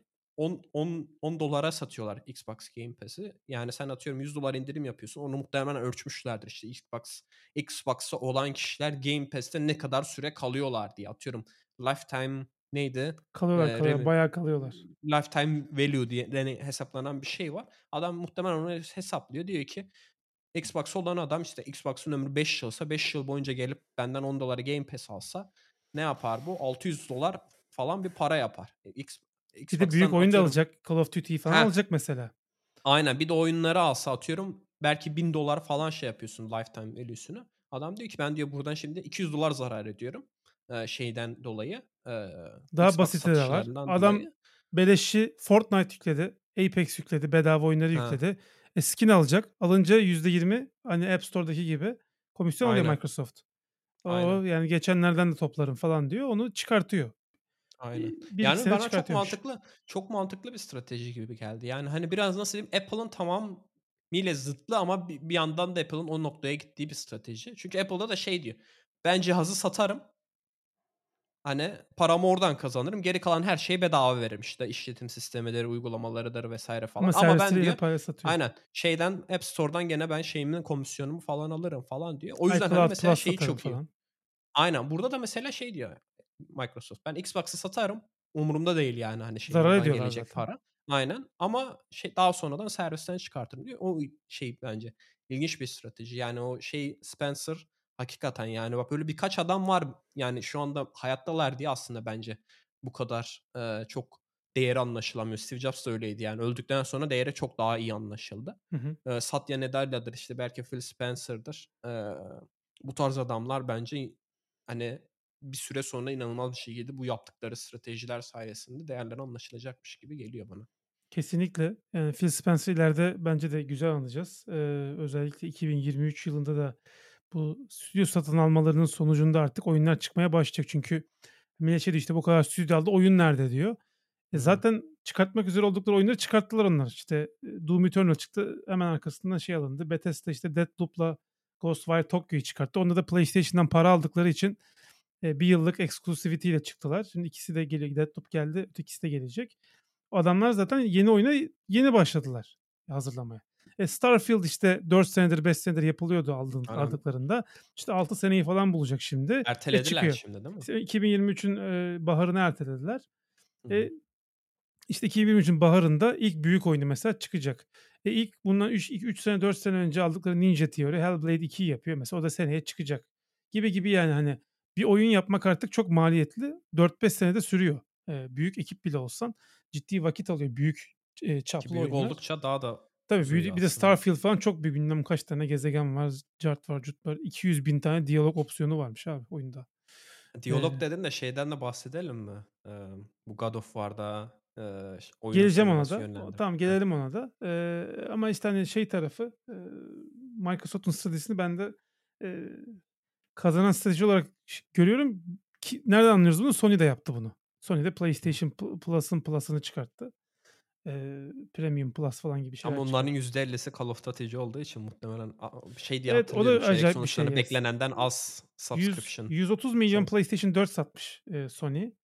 Bunların yaklaşık 40 milyonu falan işte Call of Duty ve FIFA e, sadece oynayan insanlar. E, o yüzden de Call of Duty'yi kaybetmek istemiyorlar. O yüzden Brüksel'e uçup Avrupa Birliği Komisyonu'yla gizli toplantı falan yapıyor Sony'nin şeyi. Onunla ilgili bu arada bir gelişme var. E, Microsoft 10 yıllık bir kontrat önermiş e, Sony'ye. Demiş ki Hımm. 10 yıl, eee, Call of Duty'yi PlayStation'a getireceğimize dair size bir kontrat verelim. İmzalayalım ve 10 yıl bizi bu bağlasın yani. Eee, ve Sony kabul etmemiş bunu. Onu da söyleyeyim. Eee, çünkü şey tamamen deal iptal edebileceklerini düşünüyorlar. Hımm. biz bunu kabul etmedik deyip hani şey dediler. Zor ama. Oyunu oyunları işte şeylerden alacaklar. Bizim oyuncularımızın elinden alacaklar falan diye o PR'a doğru gidiyorlar. Bence de yani Jim Ryan zaten çok kötü bir CEO da yani. E, çok yakında da kovulur. Disney'in CEO'sunu da kovmuşlar yakın zamanda. Onun gibi bir şey olur yani. Çünkü şirket de alarm veriyor. Çünkü yeni oyun fikri mülk üretemiyorlar bir süredir. Hala Spider-Man 2, God of War 2, Last of Ya, Us böyle bir 1'i şeye remake. girdik gibi abi Şimdi ya. 2'nin remake'i gelir. İşte Horizon'ın remake'ini yapıyorlar. 2'ncisi çıktı. Muhtemelen şu an 3'üncüyü yapıyor. E, ne oldu abi? İşte yani şey gibi bu Fast and Furious filmleri gibi ya. Hepsi birbirine benziyor. İşte her 2 senede bir bir tane çıkıyor. Eee, Ya, o bana şey zaman da şey oluyor. geliyor. İlgi çekici olmuyor yani platform. Aynen. Son sanki böyle 5 yıl mı diyeyim artık, 10 yıl mı? Böyle bir duraklamaya sanki girdik gibi yani teknoloji, oyun sektörü falan böyle hani Evet. wow denilecek şeyler çıkmıyor. Acaba şey bilmiyorum belki hani paranın bolluğu insanları belki biraz daha rahata itti. Çünkü hani biliyorsun iyi fikirler böyle zorlu ortamlarda işte para yok, pul yok, şey yok. İnsanlar hani kasıyor, bir şeyler çıkartmaya, daha yaratıcı olmaya çalışıyorlar. Eee, bilmiyorum belki işte artık hani genelde öyle diyorlar işte hani resesyona giriyor falan. En iyi şirket, işte yeni şirketler doğar. Hani eğer girişimci olmak istiyorsanız işte bu tarz ortamlarda aslında olunması falan gerekir diyorlar. Belki, eee, hani kötü olarak bakıyoruz resesyonun olmasına, insanlar işini kaybediyor vs. okay ama belki hani şeylerine dönüyor olabilir belki bu birçok sektörün işte belki 10 sene sonra bu konuştuğumuz markaları duymayacağız bile Ya, hani. bağımsız oyunlar zaten şu an, eee, tazelik açısından oyun dünyasına tazeliği sağlayan oyunlar oluyor. Çünkü ilginç fikirleri deniyorlar, cesurlar. Hıı. Adamın kaybedecek bir şeyi yok. Devletten fon alıyor. İşte Kanada devleti falan böyle fon veriyor oyunlara. O fonla işte adam her gün şey instant noodle yiyerek 2 sene böyle o tek başına oyun geliştiriyor ama ilginç fikirleri var adamın. Ve, eee, o fikirler mesela işte 10 üzerinden 8 sene review score'una bakmayalım ama hani genel konsensus 10 üzerinden 8 falan alan oyunlar oluyor. Sonra oradaki fikri gidiyor Activision Call of Duty'ye direkt, eee, bire bir oradaki game design'ı uyguluyor. Bu şekilde aslında fikir buluyor büyük oyun stüdyoları. Çünkü abi paralar çok büyüdü. Yani şimdi God of War'un maliyeti $300.000.000 falanmış Sony'ye ve bu $300.000.000'ı eee, riske edemez bu firma. Yani yeni bir şeyler deneyemez. Çünkü yeni bir şeyler denerse başarısız olma ihtimali artar. Başarısız olma Bence de. ihtimalinde de evet batar. Sony batar çünkü çok ciddi bunlar Marvel sonuçta. gibi abi işte. Marvel Heh. da aynı şeyi pişirip pişirip önümüze sürüyor ya aynı yemeği. O da bakıyor diyor ki ne popüler abi? Bunlar popüler. Biz daha önce ne yaptık tuttu? Bunlar tuttu. Aynısından devam. Hiç bozmaya gerek yok. Çünkü bunu biz satıyoruz. Yani insanların Last of Us 1 remake'i almayıp anladın mı? Yani Sony onu $5'a indirmesine rağmen yine almayıp Sony'ye bir mesaj vermeleri lazım. Ama herifin öyle bir fanboy kitlesi var ki bu Xbox'ta da var bu arada. Eee, kendimi de biraz katıyorum onun içerisine. Adamlar ne çıkartırsa $70 mı? $70 istediler bu arada 1 remake'i ve eksik çıktı oyun. Multiplayer falan yok içinde. Millet verdi abi aldı. Adam ondan para kazandı. "A!" diyor, "Tamam o zaman." diyor ya. Ben diyor, Bir "O remake daha. son diyor 10 yılda yaptığım oyunları getir diyor sırayla diyor. Remake, remaster, 4K yapalım, çakalım $60, $70. Nintendo da yapıyor bunu. Nintendo bunun kralını yapıyor. Nintendo grafikleri bile değiştirmiyor. Diyor ki senin diyor çöpe attığın diyor Wii vardı ya diyor. Onda diyor bizim diyor güzel bir oyunumuz vardı. Onu diyor Switch'e getirdim. Ama diyor hiçbir şey de yapmadım. Bir polish molish grafikleri HD bile yapmadım diyor. €60. Ver bakalım. Hani Wii aldığında vermiştin ya €60 diyor. Ama abi Bir işte daha diyor senden bize diyor €60. Niye? Çünkü Wii'ni çöpe attın. Onu oynayamıyorsun. Switch var elinde. Metroya falan götürebiliyorsun Switch'i. Gel diyor. Bir de Nintendo şunu da yapıyor diyor ki €60'ya diyor oyun diyor. Sadece diyor mart'a kadar. Mart ayında kaldırıyorum oyunu diyor. Aldın aldın mart'a kadar. Ulan bir de acele ediyorsun oyun almak için. Yani bak bu adamlar şeytana pabucunu ters giydirir. Böyle bir ticari zekâ ben Japonlardaki ticari zekâyı başka hiç kimsede görmedim yani. Biliyorsun Sony bunu çok yıllarca eski Walkman'lerine falan yaptı. Mesela PlayStation Vita vardı. Hıı. el konsolu bende var. Bu arada arkadaşlar ben PlayStation düşmanı değildim. Ben yakın zamana kadar PlayStation fanboy'uydum. Saf değiştirdim sadece. PlayStation Vita var. Tamam mı? Bunun bir tane memory kartı var. Memory kart Hıı. micro SD kartın aynısı. Ama Hıı. bu, eee, salatalık arkadaşlar bu baştaki pinle sondaki pinin yerini mi değiştirmişler? Ne yapmışlar? Kendi patentini yapmışlar. O yüzden abi dışarıdan aldığı micro SD kart çalışmıyor. İlla Sony'nin Vita için özel ürettiği SD kart. O da normal SD kartın 6 katı abi fiyat olarak. Of. Sony bu konuda çok meşhurdur. Biraz hani Sony'nin tarihini falan okursan kendi e, protokolünü yaratıp e, aynı Apple'ın Lightning'de yaptığı gibi kendi protokolünü yaratıp onun üzerinden cihazlarını üretip sadece Sony ile uyumlu ve başkasına da ürettirmiyor onu. Sadece kendisi üretiyor. E, bu şekilde mesela bir ara Discman falan gibi şeyler vardı hatırlarsın. Hımm. Kendi MP3 player'lerinde memory stick diye mesela bir şeyleri vardı. Memory kartı Hımm. şeyleri vardı. Herkes compact flash kullanırdı. Fotoğraf makinelerinde kullanılan. Bunlar gider memory stick kullanırdı. Niye? Çünkü kendi markasını satacak. Bunu çok yapıyorlar yani şey yapıyorlar. Eee, bu iyi bir politika değil. Ben biraz bunlara kızdığım için bu arada Xbox'ı denemek istedim. Denedikten sonra memnun kalınca geçtim. Eee, sürekli yani okey oyuna para vermekte hiçbir beis yok. Ben sürekli alıyorum oyun. Biliyorsun yani aldığım oyunları vesaire. Eee, hiç oyuna para vermeye acımam. Ama eee, bu çakallıkları gördüğüm zaman kızıyorum. Çünkü beni aptal yerine koyuyorlar. Şimdi aptal yerine koyma konusuna gelince şu son konudan bahsedelim. Geçenlerde ben size bir video paylaştım. Bu arada o kanalı çok şiddetle tavsiye ederim. Game Makers Toolkit diye bir YouTube kanalı var. Oyun Bayağı mekaniklerini falan inceleyen, game design'ı inceleyen eee, bir eee, şey işte açık dünya tasarımı nasıl yapılır oyunlarda? Nelere dikkat edilir falan gibi bir sürü oyundan örnek vererek game design anlatıyor. Çok çok keyifli bir kanal. Eee, işte yeni bir video paylaşmış. Demiş ki God of War'da neden yan karakterler bütün puzzle'ları berbat ediyorlar, spoil ediyorlar hı. diye bir video yayınlamış. Şimdi PlayStation oyunlarında şöyle bir şey var. Son birkaç oyunda var bu. Karakter kendi kendine deli gibi konuşuyor abi. Deli derler ya. Meczup falan derler kendi kendine konuşan dışarıda. Eee bunun da sebebi şu. Oyuncu ipucu veriyor. Mesela kadın diyor ki şuradaki tepe yüksek oradan acaba kalenin içine atlayabilir miyim falan diyor. Çünkü niye? Senin kalenin içine atlamanı istiyor oyun ve senin takılmanı istemiyor oyun. Çünkü sen takıldığın zaman oyunu bırakıyorsun. Oyunu bıraktığın zaman oyunun fikri mülkünün o 300 milyon dolar harcadılar ya. Sadece oyun satışıyla kalıyor. Oyunun bir hayranı olamıyorsun. Oyunu tamamlamadığın için. Eee, ve oyuna bir DLC çıkarttıklarında mesela oyunun DLC'sini almıyorsun. Devam oyununu da almıyorsun. Ya da oyun hakkında Diyorsun ki konuşmuyorsun. Ha diyorsun ki aynen. Diyorsun ki lan ben bu oyunu oynamam şurada takıldım. Yenisi çıkıyormuş ama daha dur öncekini bitirmedim. Yenisini niye alıyorum falan diyorsun. Almıyorsun. O yüzden Sony oyuncularının oyunu bitirmesini istiyorlar. Bu yüzden de oyuncu geri zekalı yerine koyan mekanikler koyuyorlar. Yani e, God of War'da bunu artık iyice şeye çıkartmışlar. E, artık cıv, cıvkı çıkmış yani öyle diyeceğim. E, basitleştireceğim. Daha böyle puzzle karşına geliyor. Daha sen daha baltayı kaldırmadan yanındaki çocuk diyor oraya vuracaksın falan diyor tamam mı? Şunu diyor devireceksin falan diyor. Sonra mesela atıyorsun isabet ettiremiyorsun. Az kaldı birazcık daha sağa falan diyor. Ulan oğlum artık duruyor ya o kadar da değil. Hani böyle şey olur ya bir şey yapacaksındır bir şey tamir edeceksindir. Yanında bir dayı dikilir onu öyle yapmayacağım bunu böyle yapacaksın şöyle yapacaksın falan diye sana şey bir de işi de bozar falan böyle. Öyle bir yapı. Bu çok sık e, yapılmaya başlandı oyunlarda. Bunun da sebebi bu oyunlara playtest yaptırıyorlarmış. Burada maymunlara mı yaptırıyorsunuz abi playtest'i? Yani çok basit çünkü yani zaten puzzle'lar bakıyorsun. Parlayan bir şey var zaten karşıda. Vurabileceğin tek şey baltayı öyle fırlatıyorsun. Kapı düşüyor. Sonra kapının bilmem nesine fırlatıyorsun. Başka bir şey düşüyor falan geçiyorsun. Böyle puzzle'lar yani. God of War puzzle'larını biliyorsun zaten sen.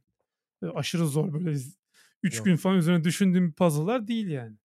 Ama işte playtest yapıyorlarmış. Ve oradaki kitle nerelerde takılıyorsa o takılmaları engellemek için oyun içerisinde yönlendirme yapmak yerine seslendirme kaydetmek kolay olduğu için hemen çözümleri seslendirme olarak kaydettirip aktörlere onları onları söylettiriyorlarmış. Bunu başka oyunlar da yapıyor bu arada. Sony oyunlarına has bir şey değil. Başka oyunlar da bunu yapıyor. Fakat başka oyunlarda bu özelliği kapatabilme var ayarlarda. Hımm. Zaten olayın patladığı nokta bu. Yani God of War'ın ayarlarına girip kardeşim bana ipucu verme diyebilmem lazım. Bunu dediğim zaman zaten problem kalkıyor ortadan. Ben kendim çözüyorum puzzle'ı ama bu yok işte. Yani son oyunlarında bu yok. İşte o yüzden diyorum şey oyuncusunu gerizekalı yerine koyan diye. Çünkü bu gerçekten faydalı bir mekanik olabilir. Çünkü bazı insanların oyun kültürü yok. Daha önce oyunlardaki puzzle'ın nasıl çalıştığını bilmiyorlar. Akşam işten eve disability'si olan geliyor. insan da olabilir yani hani. Sonra aynen akşam e, işten eve geliyor. E, çok fazla oyun kültürü yok. Dur bakayım şu yeni Sony oyununu almıştım arkadaşımdan. Ödünç almıştım. Bir deneyeyim Aslında bir falan nevi diyor. accessibility özelliği yani bu. Evet bir nevi Aaa accessibility özelliği baktığınız zaman. Ama bunun opsiyonu olacak. Mesela Tomb Raider oyununda, onu da örnek vermiş zaten video. Zorluk seçerken bir bana hiç konuşmasın diyebiliyorsun karakter. Hiç ipucu vermesin. Çok takılırsan mesela 2 dakika, 3 dakika çözemedim. O zaman versin diyebiliyorsun. Ya da böyle mütemadiyen hint versin diyebiliyorsun. Bu, bu bir ayar. İki, puzzle e, zorluğu diye bir ayar daha var buna ek olarak. Exploration e, zorluğu diye bir ayar var. Mesela etrafta toplanabilecek eşyaları göstermiyor sana. Sen gidiyorsun yanına gidip e, tuşa basıyorsun öyle alıyor. Hiç e, burada böyle bir item var haritada falan sana şeylerini göstermiyor. Bir de combat zorluğu var. Dövüşme ne kadar zor olacak? Mesela vuramıyorsundur karşıdakine. En kolaya getiriyorsun. Bunları üçünü ayrı ayrı level'larda ayarlayabiliyorsun. Bir de ek olarak bana hint verme var. Ya bunu koymak bu kadar mı zor ya? Sen 300 milyon dolarlık oyunsun. Kaç bin tane insan çalışıyor God of War'da. Ama niye abi? İşte tutan bir formül var. Prodüksiyon büyük olunca insanlar oyunu beğeniyorlar. Animasyonlar çok gerçekçi. İşte oyun tek plan kamera. Bu arada oyunun güzel olma sebeplerinden bir tanesi de o. Kamera hiç kesilmiyor. Hep böyle karakterler arasında geziyor. Hiç durmuyor oyun. Ee, onu çok güzel yapmışlar. Yani iyi yaptığı şeylerden bir tanesi bu God of War'un. Ee, zaten ilk oyunda o yüzden Game of the Year aldı. Neyse. Ee, bu zorluğu senin bu kadar pahalı bir projede koyman lazım. Ee, ama sen ne yapıyorsun? Gidiyorsun motion capture'a basıyorsun parayı. Çünkü insanlar bunu seviyorlar. Ve ben mesela bu tarz oyunları oynadığımda oyun oynadığımı hissetmiyorum abi. Çünkü ben bir şey yapmıyorum ki. Ben işte karşıma çıkan düşmanı dövüyorum. Sonra bir ara sahne giriyor. Ara sahnede de boş durmayasın diye dur hemen şimdi X'e bas. Dur şimdi yuvarlığa bas. R2'ye bas falan diye böyle saçma sapan benim oyuna hiçbir katkım yokken onlara bastığım için. Sırf kumandayı kenara bırakma diye konulmuş. Tamam mı? Elinden bırakma. Hani e, film şeyi olmasın, deneyimi olmasın diye. Sıkılma diye. Böyle yani. time eventler falan koyuyorlar. Ve mesela Spider-Man'de falan çok var mesela bu. Ben Spider-Man God of War'da da vardı. Ben God of War'da da çok fazla var. Ee, işte ben o zaman şey hissederim. Ulan bu oyun beni. Çünkü ben 90'larda oyun oynamış bir insanım tamam mı? Biz mesela yani bir şey çözemediğimiz zaman oyunu oynayan arkadaşlar okulda deftere falan çözümleri çizip acaba burada bir şey mi var lan buradan mı gideceğiz falan diye 3 kişi 4 kişi kafa patlatıyorduk ve öyle çözüyorduk oyunları ama işte onun tatmini çok başka. O yüzden zaten işte Elden Ring'dir, Demon's Souls'dur, Dark Souls'dur bu kadar popüler oldu. Çünkü oyun sana şey söylemiyor. Bir kapıdan giriyorsun kapının arkasında bir adam var. Kafana baltayı indiriyor hadi öldüm. Okey ee, baştan başla. Ama işte orada bir tane kolu çekiyorsun o kapıyı açıyorsun ölsen bile kestirmeden gidip mesela o baştan oynayacağın kısımları atlayabiliyorsun falan. Çok clever bir game design var ama oyun seni aptal yerine koymuyor ve oyunda bir başarmışlık hissi alıyorsun. O kesemediğin 40 defa öldüğün boss'u kestiğinde yumruklarını sıkıp küfrediyorsun belki boss'a ama o tatmin duygusu çok başka bir şey. O yüzden de her zaman oyunların biraz böyle yeteneği ölçen oyunlar olmasına en azından bunu opsiyon olarak sunmasına ihtiyaç var. Ee, geçen hafta oğlanla Monkey Island 3'ü oynadık. Bir olan bayağı Monkey Island fanı oldu. Curse of Monkey Island oynadık. Oyun başlarken abi bize iki tane seçenek sundu. Normal Monkey Island deneyimi bir de Mega Monkey Island deneyimi de. Mega Monkey Island deneyiminde hakikaten hiç ne ipucu veriyor ne puzzle'ların şeyini söylüyor. Sen kendi bir de puzzle'ları çözmek daha zor. Ekstra hmm. stepler falan gerektiriyor. Abi işte bu yani. Bu, bunu sunacaksın ya. Bunu yapmak bu kadar zor değil. Siz çok büyük, bütçeli oynarsınız. Bunları yapacaksınız yani. Ee, bu şekilde söyleyebilirim. Daha anlatacağımız bir şey var mıydı? Bayağı uzun konuştuk ama. Yok. Başka bir konu vardı. Onu bir sonraki bölümde konuşuruz. İki saate yaklaştık. Tabii. Senin başka eklemek istediğin bir şey yoksa ben bölümü yavaştan kapatayım. Ee, evet yani bol bol kitap okumaya çalışıyorum bu aralar. Ee, ilerleyen bölümlerde de güzel şeyler gelir. Aynen. Ee, Radical Candor'u bitirmek üzereyim. Onu söyleyeyim.